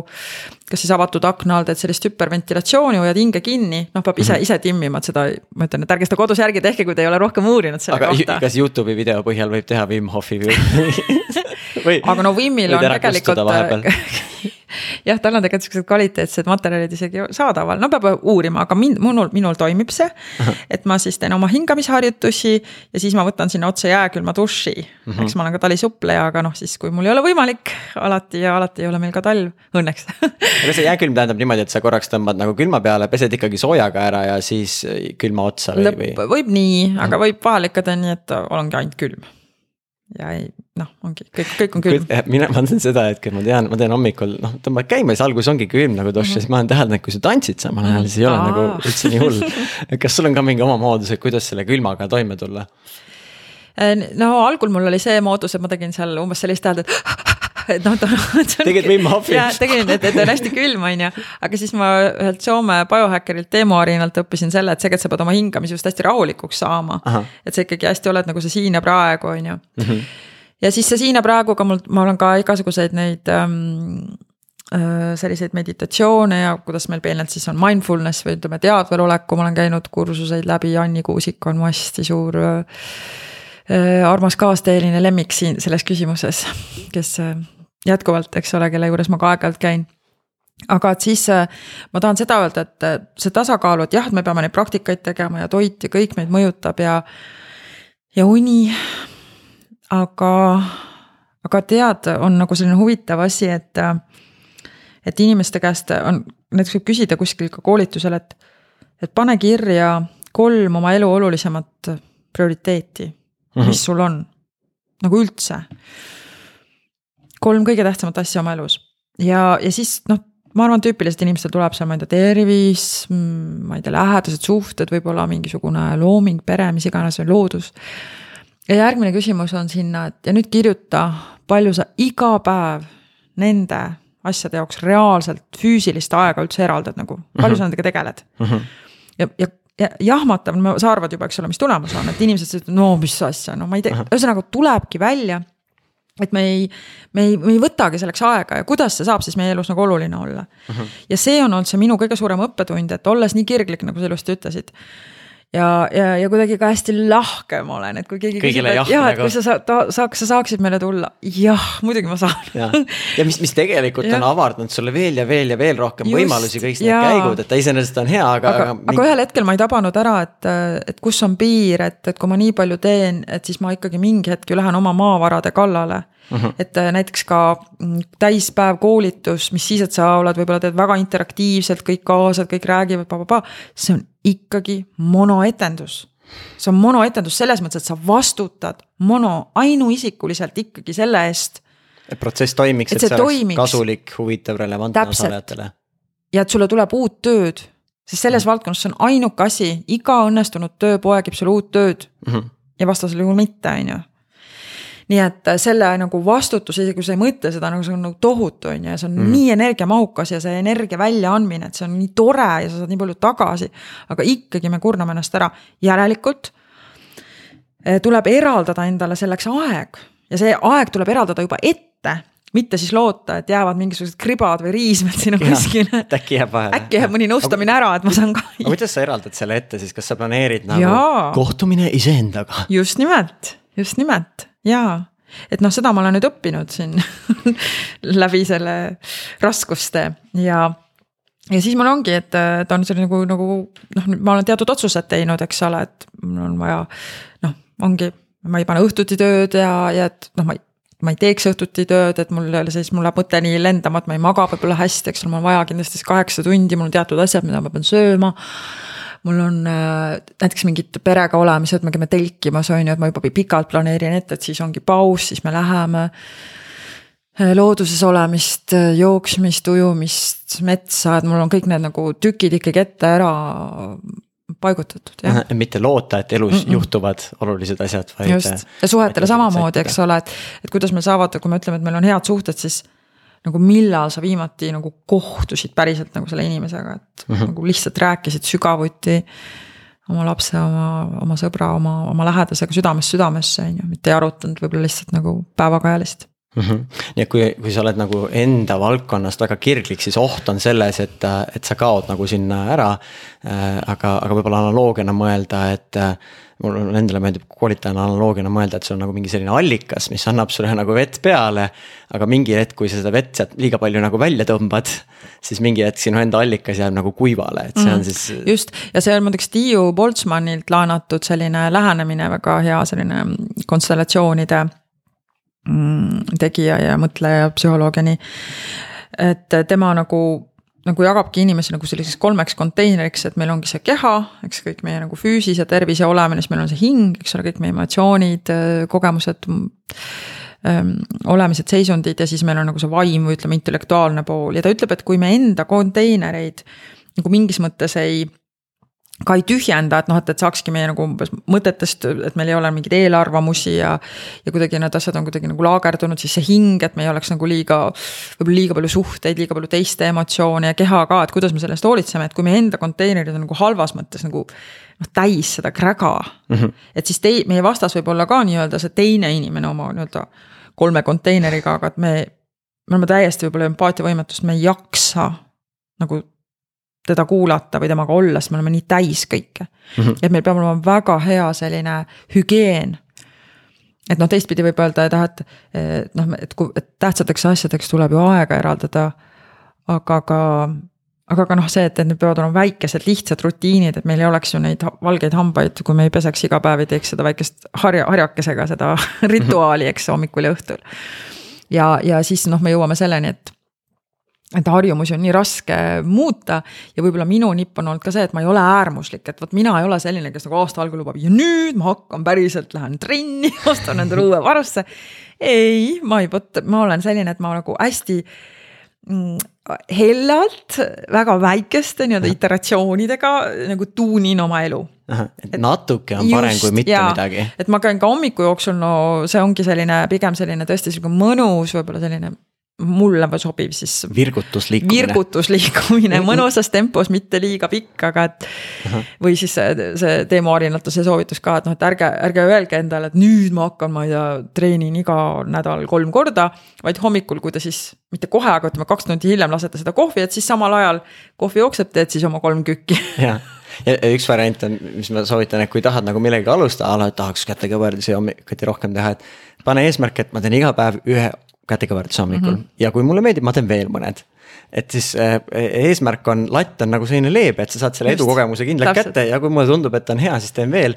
aga lõpuks on ta parem kui hirm selle saja kätekõverduse ees, mille, mille tõttu jäid need kätekõverdused üldse tegemata. ja võib-olla siit tuleb nagu see asi, et mis inimesi kammitseb või miks nad ei leia nagu oma unistusi, ongi see justkui see võrdlemine Mm -hmm. et selline praegu, mis on hästi selline šabloonide ajastu, et noh, meil on tohutult nagu ära kaardistatud, kes on a la, ma ei tea, edukas hipster ja kes on, ma ei tea, mingi suunamudija ehk siis inglise keeles influencer suunamudija. jah, ühesõnaga nagu tohutud sellised noh, mis me teame, eks ole, iluideaalid, terviseideaalid, tohutud sellised ja, ja see on üks asi, mis inimesi nagu ka tõesti kammitseb, et noh, et umbes, et noh, ongi, et kui ma juba hästi inglise keelt ei räägi, siis ma ei räägi üldse või et uh. -huh. oh, et nagu ma ei, ma sellist, ma ei tea, ma ei jõua kunagi sinna vahel mul inimesed ka nõustamise käigus, ei no ma ei saa, mis asja mind huvitab, ma ei tea, sisekujundus, kõik on ju sisekujundajad, miks ma, et ei tohi mm. -hmm. et me oleme iseenda originaalid ja, ja kunagi ma mäletan, et kui ma alustasin nagu teadlikumalt kogu seda tööõnne värki, siis ma hästi imetlesin oli Brian Tracy. tal oli ka kuidagi see saavutamise ja sihuke elu ja nagu mingi positiivsuse mõte ja. ja tema kuidagi nagu, nagu ütles äh, kuskil oma ütluses, et. et kurb on see, et enamus inimesi viib oma muusika endaga hauda kaasa, hiljem, et see nende eluajal üldse avalduks. et nad on kas liiga tagasihoidlikud või kuidagi liiga, liiga kammitsetud, liiga kriitilised enda suhtes ja tihti ongi see, et see, see kriitika meie sees ei ole nagu selles mõttes adekvaatne, et see on võib-olla ongi see meie vanema hääl, kes seal ikka veel räägib, et noh, mis nüüd sina ja kus. võib-olla see on see ühiskonna asi, et nüüd ma panen juba selle lati ette, mil-, milleks üldse hakata, on ju. nii et jah võib-olla sellise, mis ma ise selle mõttena käsitlen nagu, et kui sa mõtled näiteks, kes on täna imelised muusikud, kus sulle meeldivad. Nad on imelised sellepärast, et nad otsustasid jätkata siis, kui nad veel sakkisid täiega. ja nüüd, kui sa ise mingis uues valdkonnas alustad, siis äh, küsimus, kas sa ühel päeval võid saada selleks imeliseks, kes sinu see mm -hmm. suunamudija on, et äh, et selle eelduseks on see, et sa pead olema valmis tegutsema ka siis mm., kui sa veel sakid, sest ilma selleta noh. suunamudija pani, võib-olla kustutas vanad videod ära, kus ta väga väga kohutav oli või nii yeah.. aga tal olid ilmselt need etapid seal alguses ja noh, hea suunamudija tegelikult peaks rääkima, kuidas tal päriselt algus käis ja nii, siis yeah. ta, siis ei teki nagu moonutatud taju. aga ilmselt jah, meedia puhul meil on, me näeme nagu seda lõpptulemust mm., me ei näe seda rasket tööd seal taga ja siis see tekitab moonutatud taju ja võrdlus ka, ega see võrdlus kedagi vist väga õnnelikumaks ei ole teinud, et mm. mõned võrdlevad muidugi nendega, kellel väga kehvasti läheb, siis tundub, kuule päris hea on, et aga mm., aga ma ei tea, kas see ka tingimata mm. nagu hea strateegia on, aga. Äh, mis, mis oleks sul selline üks võtmesoovitus nendele, kes natukene äh, ütleme, toome sellesama sisekujundaja näite, et noh, et on nagu tunne, et tahaks seda teha, aga pagan, neid on nii palju neid, kes teevad juba ja on head, et. mis võiks nagu üks sihuke mantra või mõte olla, mis sa tahaksid neile kaasa anda? Äh, võib-olla selline noh, võib-olla, võib-olla selline teadlikkuse suurendamise koht on see, mida inimesed vahel ei tea, on see, et praegu me elame ka ajastul, kus nagu iga päev tekib juurde selliseid äh, täiesti tuttuusi ametikohti, mida ei ole varem olnud mm. -hmm. ja, ja et sageli need tekivad näiteks erinevate valdkondade ristumiskohas. toon näite mm,. see oli mõnda aega tagasi, kui ma käisin Sloveenias ja tutvusime siis sellise no ühesõnaga see karjääri ja kõik enese arengu ja enesetoetamise õpingute teemad ja kuidas siis nagu riik kaasa aitab, sellel oli see nagu põhiteema seal selle nädala vältel. aga muuhulgas me käisime ühes pargis, mis oli loodud vaegnägijatele. ja selle pargi, noh, see oli nagu selline päris roheline looduslik park, aga selle pargi idee oli see, et. et kõik oli nagu ehitatud muudele tajudele, noh umbes, et sa lähed üle silla ja see sild, iga see mm, lauake seal sillal heliseb omamoodi, eks. Ja lõhnad ja, ja kõik siis selline nagu noh, nagu puudutuse taju ja ühesõnaga kõik oli nagu sellele, et sa noh, nägijad said siis silmad kinni panna ja, ja kogeda seda siis, mis see on ja kui mõelda, et äh, kui see on nüüd amet selliseid parke luua, disainida, et see on ju täitsa uus asi, eks ole. et sul peab olema see mingi psühholoogia pool, mingi, võib-olla mingi isegi meditsiiniline, sul peab olema see disaineri, see loovuse, looduse, materjali, tehnoloogia. Ja, ja, ja võib-olla siis lohutuseks see, et, et tänapäeval ei ole enam nagu selliseid äh, noh, nagu selliseid kar-, karbi, karbi lahendusi Aha. just, et, et palun, et kõik sisekujundajad, et ongi keegi, kes keskendub mat-, materjalidele, on keegi, kes keskendub äh, inimese psühholoogiale, on töökeskkondade. nii et erialad, väga paljud ametikohad on hoopis inimesenäolised, et mm -hmm. inimene saab sinna tuua. oma perspektiivi jah, ja ristates just siis nende oma muude kogemustega, nii et äh, sünnivad jah, täiesti, ma nimetan neid isegi tuumkarjäär või selline nagu elustiili brändid, mis ongi nagu just kokku sünteesitud inimese nagu varasemast kogemusest, tema huvidest, siin turismitalud on hea näide ju, et noh, võiks öelda, et kõik on nad justkui. ühtemoodi, aga eristuvad siis mingi. täpselt, kellelgi on, eks ole, ravimtaime, kellelgi on lambakasvatus, kellelgi on, ma ei tea, jooga ja nii edasi, keegi spetsialiseerub saksa turule, sest oskab saksa keelt ja mm. -hmm. et mõelda, kuidas see varasem kogemus võiks sellesse sellesse tegemisse tuua mingi vahva perspektiivi. ja kindlasti, mis veel aitab inimese mõttes, et mitte alati mõelda ka sellele, et karjääris ei kehti näiteks selline male mõtlemine, et oot, oot, oot, oot, stopp, et ma teen nüüd selle käigu ära, siis ma teen selle käigu, siis ma teen selle, sest muutujaid on nii palju. Et ei, noh ongi, et ei ole ju teada, ma, ma ei tea, teen selle ära, siis vahepeal kõik asjad muutuvad, noh siis ma seda järgmist enam teha ei saa. nii et pigem tuleb olla nagu marjuline metsas või seeneline metsas. et ma vaatan, et oo, et siin tundub praegu viljakas, põnev, ähm, nagu kutsub uh. Mhm. -huh. ja siis sa lähed ja sealt, kui sa oled sinna jõudnud, siis avanevad täiesti uued rajad. okei okay,, mets on nagu sama, territoorium on enam-vähem kaardistatud, et siin ma tahan mütata aga tead, seal on nagu lugematuid kombinatsioone, kuhu see võib tegelikult ikkagi hargneda ja võib-olla vahepeal on vaja korjata midagi muud mm. -hmm. või istuda kivil ja mõelda elu üle või kirjutada mõni luuletus nii et jaa, et, et mitte ennast kammitseda sellega, et oi, ma lõpetan ära selle, mis must siis saab, kus ma saan tööd ja nii. nautida teekonda. mine välja ja loo midagi ja, ja usalda, et ja. nagu seene näite puhul, et Just. kui sa oled midagi ära loonud, siis, siis tekib mingi järgmine võimalusperspektiiv. et, et see uudishimu, õhin ja pühendumus on nagu absoluutselt selline vägev komb-, kombinatsioon. võtmeelement meil on vahepeal siin sellised puurimise helid taustaks olnud, et mida kuulaja võib-olla nagu küsib, mõtleb. keegi ilmselt püüab oma mammuti jälge praegu teha ja luua midagi sellist, mis püsib kuskil kaugemas ruumis. Ehm, me võiksime sukelduda veel rohkem, aga me lähme kolme finaalküsimuse juurde oled sa valmis kolmeks finaalküsimuseks, Tiina? Need olid nii rasked, ma ei tea, kas ma olen nii, esimene küsimus on see, et mis on sinu elu parim investeering, ei pea olema tingimata rahaline, võib-olla hoopis teiste mõõdikutega. aga mis on sinu elu parem, parim investeering? mul on kohe selline ütlus, et et kui ma nagu jagan, kus ma olen kas kuskil kursusel käinud või, või midagi õppinud, siis ma vahel ütlen, et issand, see oli minu elu paremini investeeritud raha koolitusse nagu tõesti, see oli nagu igat senti väärt ja ma arvan, et siis ma võiks siit kokku võtta. et ikkagi minu elu parim investeering on olnud sellised väga erilised ähm, kursused, väljaõpped, kus ma olen kohtunud tõesti oma eriala nagu pühendunud gurudega ja et see on olnud tõesti nagu kas sul on mõni soovitus, äh, kas mingist, mingist mõõdikust või mingist asjast, mille järgi tunda ära, et sellest võib asja olla, sest ega kõik kursused ei ole võrdväärsena loodud. pealkiri võib ju tore olla, aga kas, mida sina nagu jälgid nende kursuste juures, kui tunned, et jah, vot sinna tasub minna või on mhm. lihtsalt kõhutunde järgi mm? -hmm võib-olla midagi, mul on alati oluline nagu see inimene, kes seda veab, eks, et ma okay. nagu palja nimetuse peale ma ilmselt ei nagu ei reageeriks. kui ma ta videot vaatan või midagi, kas mul tekib nagu jah, või jah, mida, kas ta on kirjutanud midagi, kuidas on ju ja, ja, ja siis enne kui on näiteks pikaajalisemad kursused, et siis äh, ka, et noh, sa võid ju käia mingi algul mingi tutvumisel ja siis otsustada, kas see on nagu sinu teema mm,. ja, ja, ja vot ma ei ole võib-olla ka selline noh, nagu te ütlete, nagu selline turist nendel koolitustel, et ma, ma, ma olen selline sariõppija selles mõttes, et kui ma lähen ah,, ma sain teada Gallupi testist, et äh, learning ehk siis õppimine on üks minu supervõime. mina mõtlesin, et see on kõigile, aga tuli välja, et see on ikka supervõime.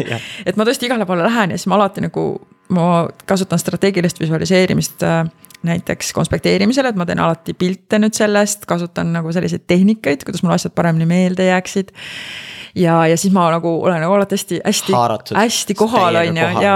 ja, ja see ilmselt eri, eri, eristab nagu selgelt seda kogemust, mis sa sealt saad, sest no kui sa ja. istuks ja ootaks, et inspireerige mind. siis ei pruugi nii palju tulla, aga kuna Just. sa ise oled hästi haaratud, siis sa ilmselt mõtled veel ja, edasi, et mida sealt koolituselt võtta. ja alati ma kohe mõtlen ka, et okei okay,, et ma, kus ma nüüd seda kasutan või, või noh, paar kohta, kus ma kohe hakkan seda kasutama, et seda ma teen alati. ja, ja noh, mul on tõesti noh, no muidugi mul on hästi palju ka erialasest vajadusest, et siin enne kui alustasime intervjuud, siis me rääkisime Anne Türmpust, et ma olen tõesti käinud ka eraldi häälega töötamas, sest et mu hääl on ära väsinud näiteks koolituste käigus ja ma olen, mis, mis sinu minu töövahend on ju, mis nüüd mm. saab, eks ole. et vot selliseid asju ja ja hiljuti oli ka hästi hea oli, kus ma käisin, oli siis selline mediation through the action methods, et hästi keeruliste konfliktide lahendamine üks selline Šveitsi-Prantsuse guru käis Eestis õpetamas, selline pika, pikemaajalisem programm, et vot ma nagu mõt-, mõtestasin ka läbi, et. et justkui see nälg või see vajadus natuke hakkab tekkima ja siis ma mhm. võib-olla oskan ka selle pilguga nagu vaadata, et et jah, et ma võib-olla nagu nii-öelda riiulisse ei käi, on ju, et näiteks. varuga no,. noh, ma võin ka mõelda, et jah, et mis ma võiks, ma võiks ju, ma ei tea, oma kodulehte kuidagi ägedamaks teha, et läheks, ma ei tea, teeks mingit ma ei tea, mingi WordPressi järgmised, aga noh, kui ma tean, mul selleks nagu aega ei ole või ma ei hakka seda kasutama, et ma niimoodi igaks juhuks ei käi. mingi nagu valuvajadus on olemas, mingi koht, kus sa seda ja. tahad kohe rakendada, sul on ja. nagu probleemküsimus olemas. sa leiad selle ja siis sa võtad selle aja ja mõnes mõttes see on see laadimise aeg endale. kus sa ise ammutad, sa ei pea seal ruumis nagu mõtlema, kuidas nüüd kõigil hästi põnev oleks ja kasulik. vaid, vaid sa saad ise olla see elevil õpilane seal esireas mm. vihikuga nii-öelda. ja, ja siis võib-olla remargina siin öelda, et väga paljud head äh, vihjed ma olen saanud oma klientidelt hoopis mm.. et mind on hästi palju inspireerinud, kui keegi on nagu midagi arendanud, siis ma aga kohe, et see ei ole kunagi see, et mina olen siin, ma ei tea, mingi nõustaja, et mm -hmm. oh, meil on alati nagu selline sünergiline, et et ma olen hästi tänulik. see on hea tähelepanek, et kui me võtame mingi väga nõustaja rolli, siis me leiame rohkem, et me, me anname nagu input'i, aga me ei kuula niivõrd palju. aga kui me võtame sellise avatud nagu meele, siis me kuulame rohkem ja selle kaudu saame rohkem mm. -hmm. finaalküsimus number kaks, mille poolest tahad inimestele meelde jääda? Kas millise inimesena või millise saavutuse poolest. kui sa nüüd kunagi saja kahekümnene oled ja tagasi vaatad, oi no esiteks siis on ju Eesti õnneliku töötamise maa mm -hmm. ja teised õpivad meilt, äh, nii nagu praegu me oleme nagu ikkagi selline eeskujulik äh, tehnoloogiariik, selline väike, väike agar ja tegus ja julge. et ma tõesti no kui, kuigi võiks öelda, et jah, et see on ju selline kuidagi abstraktne või, või habras, eks ole, et. et näiteks juhtimiskultuur või kui me loome mingi organisatsiooni kultuur, see kehtib nii kaua, kui, kui on need inimesed, kes seda kannavad seal, et ühtegi garantiid justkui nagu ei ole, on ju. et äh, ma ei tea, kas, kas see on siis mingi, mingi tarkvara, eks ole, mis selle nagu ära lahendab, aga. aga, aga ma kuidagi võib-olla, võib-olla siis igatsen, et et see pühendumus, mida ma olen nagu investeerinud sellesse, et see lill õitseb siis ka, ka kunagi hiljem, et, et see on selline. suur mammut. ja see, need seemned, mis on istutatud, et, et need kuidagi nagu või, või noh, minu puhul on ka see, et. et kui on ka üks inimene, kes ju leiaks äh, julgustuse ja, ja oma tee ja oleks selle võrra, ma ei tea, parem sõber, parem abikaasa, parem vanem, et ma arvan, et see on juba noh, väga suur au või luksus, et ma tohin sellist tööd teha kui nüüd muutuda pateetiliseks. ja loomulikult, kui äh, praegu kuulab seda salvestust keegi, kes on Tiinaga enda elu jooksul kokku puutunud ja kelle, kelle jaoks see kokkupuude tema jaoks on andnud sellise vägeva impulsi, siis äh, siis kirjuta Tiinale ja, ja mm. räägi sellest, sest sellega sa annad talle veel rohkem hoogu juurde yeah.. et läheb veel, veel rohkem elementi. finaalküsimus kui, kui saaksid sellise äh, suure sõnumi kuskil niimoodi sättida, mis tuletaks inimestele meelde. Äh, kas mingil moel mõelda, käituda, tegutseda, olla või mingit muud asja, mis sõnumi sa sinna valiksid? mis oleks sinu mõte, mida inimestele jätta hmm.? Jah, et see on selline trikiga küsimus, et tahaks nagu umbes, ma ei tea, mul on eraldi isegi nagu loodud fail selleks, kus ma kogun nagu häid mõtteid või mõtteid, mis mind ennast on inspireerinud. sa paneks faili lingi sinna. ma panen faili lingi. Bitly Tiina fail aga tegelikult, mm, kui ma nüüd päriselt nagu mõtlen, siis ma vist hoopis kirjutaks midagi sellist, et hinga, hüüumärk sa oled ilus. punkt. punkt mm. -hmm. aitäh sulle, Tiina